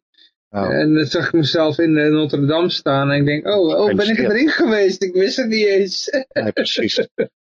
ik ben er nooit in geweest. Dus, eh, maar eh, ja, het is net al die andere kerken, weet je wel. Allemaal van die, van die, van die grote eh, pilaren. En dan wat die gebrandschilderde ramen en wat oude reliquieën Ja. en zo, ja. Nee, ik, ik, zeg- ik, Eh, van mij hoeft hij niet nou, eh, kapot, maar het interesseert me Ja. geen enkele reet. ik zag gewoon net een oud schilderij voorbij komen. En daar had de, de Notre Dame geen torenspits. eh, Ja, Eh, bij dat, eh hoe dat? Midden van het schip, zeg maar. Ja, ja, weet je het ook weer. Het is kennelijk later bijgekomen en dat is nou weer afgefikt. Dus eh, misschien gaan ze mijn eh, oude eh, glorie herstellen, zoals het eh 900 jaar geleden was. wie weet. Zonder spits. ja. Ja, ik zie allemaal berichten over, eh, dat, dat moeten we ook weer alles slikken, hè, over hoe, eh, ja, aan de ene kant dan verkopen ze ons, ja, het moet eh, een nieuwe representatie krijgen van de, eh, de regenboogkleuren. moderne tijd. Ja, Ja, regenboog. precies. En aan de andere kant zijn er mensen die zijn berichten. Oh, dit zal de 800 zoveelste kerk die eh, wordt vernield. Nou, en eh, ja, dan, het is gewoon gefabriceerde strijd. En dan word je weer ingetrokken. En ja, mensen vinden het zo fijn om daar weer in mee te doen. En dat, ja, dat maakt me hopeloos. Als je daar continu maar jezelf toestaat om daarin meegesleurd te worden, dan, ja, dan, wat heb, bereik je dan in je leven? Dan Ja. heb je geleefd en dan heb je, oh, ik ben de gefabriceerde emoties die voor mij zijn klaarge, voorgekoud, klaargezet, heb ik gevolgd. Nou, Ja, ja. gefeliciteerd. Wat geweldig. Nou, als je dat uit je leven wil halen, ja, dan snap ik ook wel dat je graag een overheid hebt. ja, je wil graag dat mensen het leven voor jou serveren. Want wat, dat is wat de overheid doet. Je, je krijgt, je werkt veel, je mag houden waarvan je je eten en je onderdak koopt. En dat alles waarmee je je leven richting, waarmee je belangrijke keuzes kan, waarmee je je leefomgeving zou kunnen vormgeven, dat wordt je afgenomen. En wat je daarvoor terugkrijgt is een klein beetje wordt besteed om dat voor jou te doen. Ja, en als je dat maar allemaal maar geweldig vindt, ja, dan kan ik me voorstellen dat je ook een, in een van die kampen valt om de Notre Dame heen. Dan denk oh ja, ik denk er ook zo over. Oh nee, wauw, ik denk ook dat. Ja. Ja, nou, gefeliciteerd. Dat Ja, ik moest alleen maar aan denken aan de, aan de Bloodhound Gang. The roof is on fire. De roof is on fire, dat dacht ik ook. Ik Ja, denk, waar, waar is die grap? Ja. Ik, ik zei, daar heb ik veel te weinig gezien. Ik heb het nog niet gezien. Kijk, voor mij hoeven dingen niet kapot. Ik bedoel, de Nee. mensen kunnen, dat- trekt de massas toerisme. Het is gewoon een mooie bron van inkomsten voor, eh, voor een aantal mensen. Ja, voor mij hoeft het niet afgefikt te worden. Maar... Ik heb helemaal niks tegen kerk of zo hoor. Ik bedoel, ik, ik heb zelfs niks tegen religie. Ik bedoel, mensen hebben recht op een eigen vorm van waanzin. Als zolang ze andere mensen maar niet mee lastig vallen. Ja, dus, eh, maar er er zijn ook positieve dingen. Dit bericht heeft trouwens bij de radio net niet eh, gehaald. Hmm. Maar ja, We hebben het er nu over, toch? ja, daar gaan we het nu over hebben. Hemp is de nieuw ook. America's first hemp wood factory is being built. Nou, dan Ze- persen ze dat spul samen als een soort eh, Ja. multiplex. Ja, ja, ja. Ja, waarom niet? Ja, maar hemp is inderdaad een hele, eh, dat is al, al, al langer bekend. Vroeger was het een, eh, het werd vroeger heel veel gebruikt. Hè? De Declaration of Independence is eh, geschreven op eh, hemp op papier. Nou, interessant. Ja, ze, ze hebben nu, zo'n bedrijf die heeft er dan, eh, ja, die maakt er hout van. Ja, klinkt logisch. groeit heel snel. Goede resource om daarvoor te gebruiken. mooie oplossing. Dan hoef je de Amazonewoud niet gekapt te worden. Nee. Ja, ja, maar ja, zolang dat nog niet geprivatiseerd is, zal het hele Amazonewoud verdwijnen natuurlijk. Hè? Ja. dus dan krijg je zometeen eh, een heel klein stukje Amazonewoud, dat dan geprivatiseerd is, een galet. En eh, de rest is dan allemaal palmolie of zo. Of eh, nee, soja, soja. Of voor alle, vega voor, voor alle veganisten. Om alle veganisten te bedienen is het hele Amazonewoud de soja factory geworden. Ja, of dat ze het gewoon allemaal verbranden om energie-neutraal te blijven. Oh ja. is in Nederland toch? Dat ze al die bomen aan het kappen zijn. Energie-neutraal. Maar in principe klopt dat wel. En alle indianen daar, al die indianenstammen, die moeten daar slaven werken. Ja, Die hebben eh, geen enkele status, dus die... eh, Nee, maar dat, heb je die berichten niet gezien over dat eh, in Nederland allemaal bomen worden gekapt voor de energiebehoeften? Ja, ja, ja, ja. En zelfs eh, bomen gekapt worden omdat ze CO2, CO2 uitstoten. Bomen stoten, ja, bomen stoten CO2 uit. Dus eh, die worden ook gekapt. De, aan de, aan de gemeente moet aan de CO2-norm voldoen. Kappen ze bomen. Oké. Ja. Ik dacht dat eh, bomen via fotosynthese weer zuurstof in omloop brachten. Ja, ja, maar als bomen dus geen eh, CO2 kunnen opnemen, eh, omdat er te weinig eh, uitgestoten wordt in een omgeving, dan gaan ze zelf CO2 uitstoten. Wacht waar? Ja. Geweldig om te weten. Ja, bomen hebben CO2 nodig. Dus als ze niet krijgen... Ja, ik heb ook ze eens gehoord dat eh, bijna alle effectieve zuurstof aanmaakt dat het ook in de zee wordt gedaan door het plankton. Ja, ja, ja. Dat, eh, dat de bomen, dat dat maar een, eh, een relatief klein eh, deel is van het totaal. Eh, Ja, daarom is het, 90%, daarom is het eh, veel riskanter als er iets met de zee gebeurt, met de balans daar, dan met Ja. die wouden. Maar ik vind, die wouden hoeven voor mij niet te verdwijnen. Maar in principe als jij zelf hout groeit en dan, eh, ja, dan verbrand je dat weer. Ja, dan verbrand je de koolstof die je zelf hebt gegroeid. Ja. Dus er zit wel iets in dat neutrale verhaal. Ja. En eh, ja, daar, ik, ja, waar moet je daar zo over zeuren? ja. Bomen zijn ook gewoon een resource. Ik, ik denk, zo, wat waar ik zo, zo moeilijk van word in Nederland, is dat er iets. Nederland is gewoon een stad. Ik denk dat we daar. Toen ik in Nederland woonde, wa- vond ik dat al. En nu ook nu ik in een land woon met echte natuur. Oh, godverdomme op met dat natuur in Nederland. Het slaat helemaal nergens op. er, is, er is geen plek in Nederland te vinden. Misschien moet Nederland... Nee, Nederland, eh, Nederland, ja, Nederland is gewoon een stedelijk gebied. Ja, maar Nederland, als Nederland een deel van Duitsland was, ja, dan wordt het eh, gewoon Nederstad. Ja, dat was Nederstad het, Roergebied gewoon een stedelijk gebied, weet je wel. Ja, de- waarschijnlijk kun je het aan elkaar vastbouwen. Ja. Nederland als stad, stedelijk gebied vastbouwen aan de Roergebied. Dan heb je gewoon rivier-delta-stad. Ja. Zo gaan we het noemen. Dat is een hele creatieve, mooie naam. Ja. en hou er alsjeblieft mee op. Er zit absoluut geen natuur in Nederland. Er eh, Zelfs in het platte Friesland, ah, eh, met uitgestrekte vel, je kunt gewoon geen plek vinden waar je niet gewoon meerdere, je bent of omringd door een bebouwd gebied, of je ziet gewoon meerdere bebouwde gebieden om je heen. Ja. Er is, er is geen natuur. Het is gewoon een Nederlands gecultiveerd land. En wat wij, waar, als er al een boom staat, dan is dat gecultiveerde boomgroei. Het, is, het is helemaal mensgemaakt. Het is gewoon een, een cultuurplek. Er is niks natuurplek meer in Nederland. Ja. En eh, kijk, als er ergens nog een boom staat die er al heel lang staat, hoeft die voor mij niet weg. Maar we moeten gewoon ophouden met Nederland. Al die regels, al die moeite. Gewoon Nederlandse stad. Gewoon makkelijk meedoen. En maak het fijn om daar snel doorheen te rijden. Is- Ik, ik, ik heb laatst even gekeken naar Nederland voor banen. Maar het idee dat ik in de file, ik heb er gewoon geen zin in. Ik heb liever Ja. niks dan dat ik weer in Nederland aan de slag Zijn ze in Bulgarije wel zo van, eh, oké, de eh, als er te veel auto's op een eh, baan rijden, laten we die weg gewoon verbreden? Eh, Maar ze er, zijn nou- zijn nauwelijks wegen waar je fatsoenlijk kunt rijden. Als, ik, Oké. als ik hard rijd, dan rijd ik ongeveer op de enige weg waar dat ook kan. Je, je hebt, daar- het is een heel bergachtig land. Als je gewoon heel veel plekken, dan moet je door de bergen. Je Nou, hebt zijn niet vaak, afbaanswegen zoals in Amerika of zo. Nou, er is vast wel ergens een hele brede weg, maar Ja. eh, want er is eh, flink wat Europees geld in gepompt en er is vast een Maar die weg van komen er niet, hè? Die komen er niet Ja, natuurlijk. er is vast een weg van gemaakt ergens, maar Hm. ja, normaal gesproken een plek die is met een andere plek verbonden met een tweebaansweg met heel veel bochten door de berg heen. Dat is eh, hoeveel veel eh, plekken met elkaar in verbinding staan. Maar dan kun je ook hard rijden als je eenmaal wat gewend bent. Ja. Ik, eh, ja, ik weet het niet. Ik, Maar zou Bulgarije openstaan voor geprivatiseerde wegen of zo? Want in Nou, Italië heb je, Frankrijk heb je zelfs het socialistische Frankrijk heb je gewoon geprivatiseerde wegen. ja, ik heb het wel het gevoel dat je hier, als je wil dat de weg beter wordt, dan moet je het gewoon zelf doen. Eh, Ja, er zit, ik, als, ik kom hier soms over een weg, nou, daar zitten precies dezelfde gaten in die daar eh, drie jaar geleden in zaten, bij spreken. Dus, eh, Oké. dus je, moet, je, je moet je die weg een klein beetje toe-eigenen als je, je Ja. moet zelf die gaten vullen als je dat wil.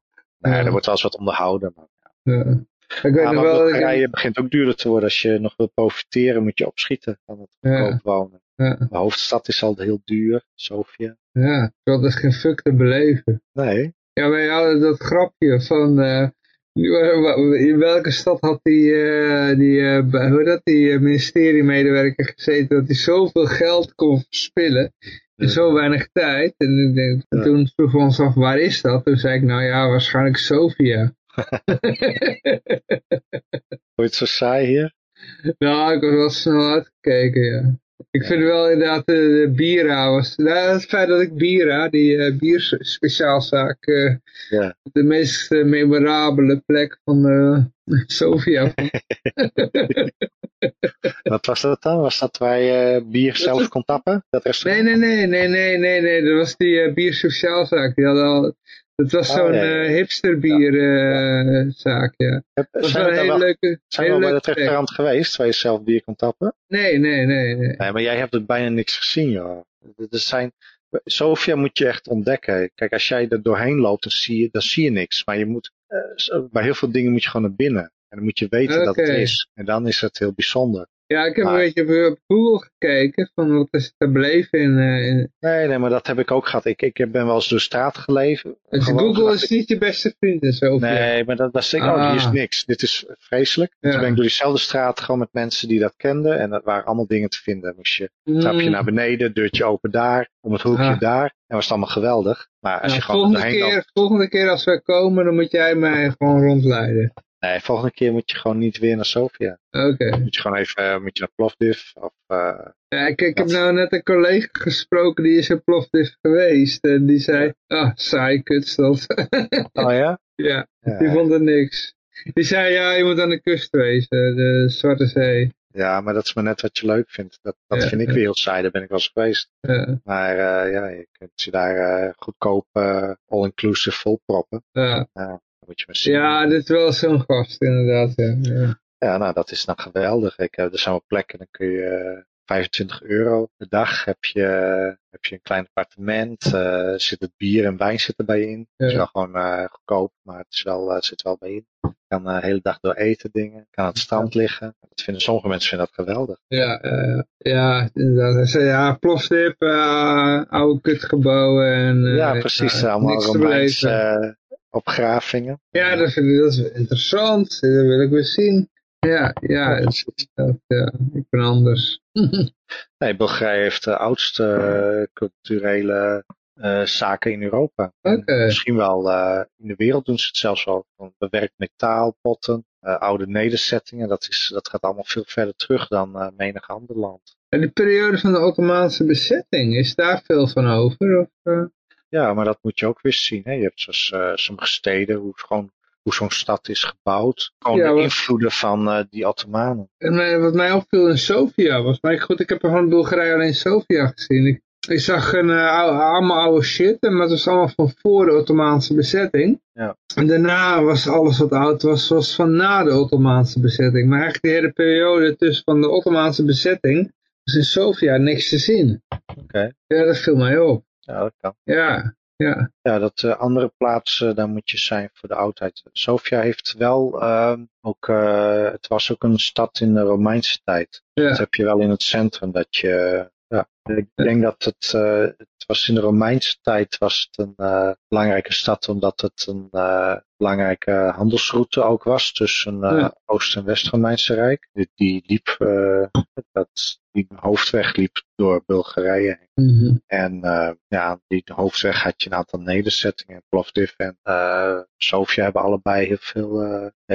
Al, waar de oude stad was, meer in het centrum dus. dus je, overal waar je een schep in de grond zet, ga je Romeinse dingen vinden. Ja, ja. Dus dat, die, in de Ottomaanse tijd ja, was het niet een belangrijke plek. Omdat het was toen Ottomanen waren ook eigenlijk een beetje in strijd hè, met het Westen. Ja, dus uh, toen was, was het niet zozeer een doorvoerroute, dus het was meer een uh, eindstation. En de, ja. de, hoofdstad lag ook ergens anders. Ja. Bij wat je ziet in de berg, ja, je hebt wel heel veel wat kleinere gemeenschappen waar, uh, waar rebellen zaten, zeg maar, verzetstrijders. Dat is allemaal uit de tijd van uh, de Ottomanen. Juist omdat uh, de Ottomanen uh, eigenlijk continu wel tegen weerstand aanliepen. Waar er allemaal regels hadden. Bijvoorbeeld, je had dan wetten over hoe hoog muren mochten zijn.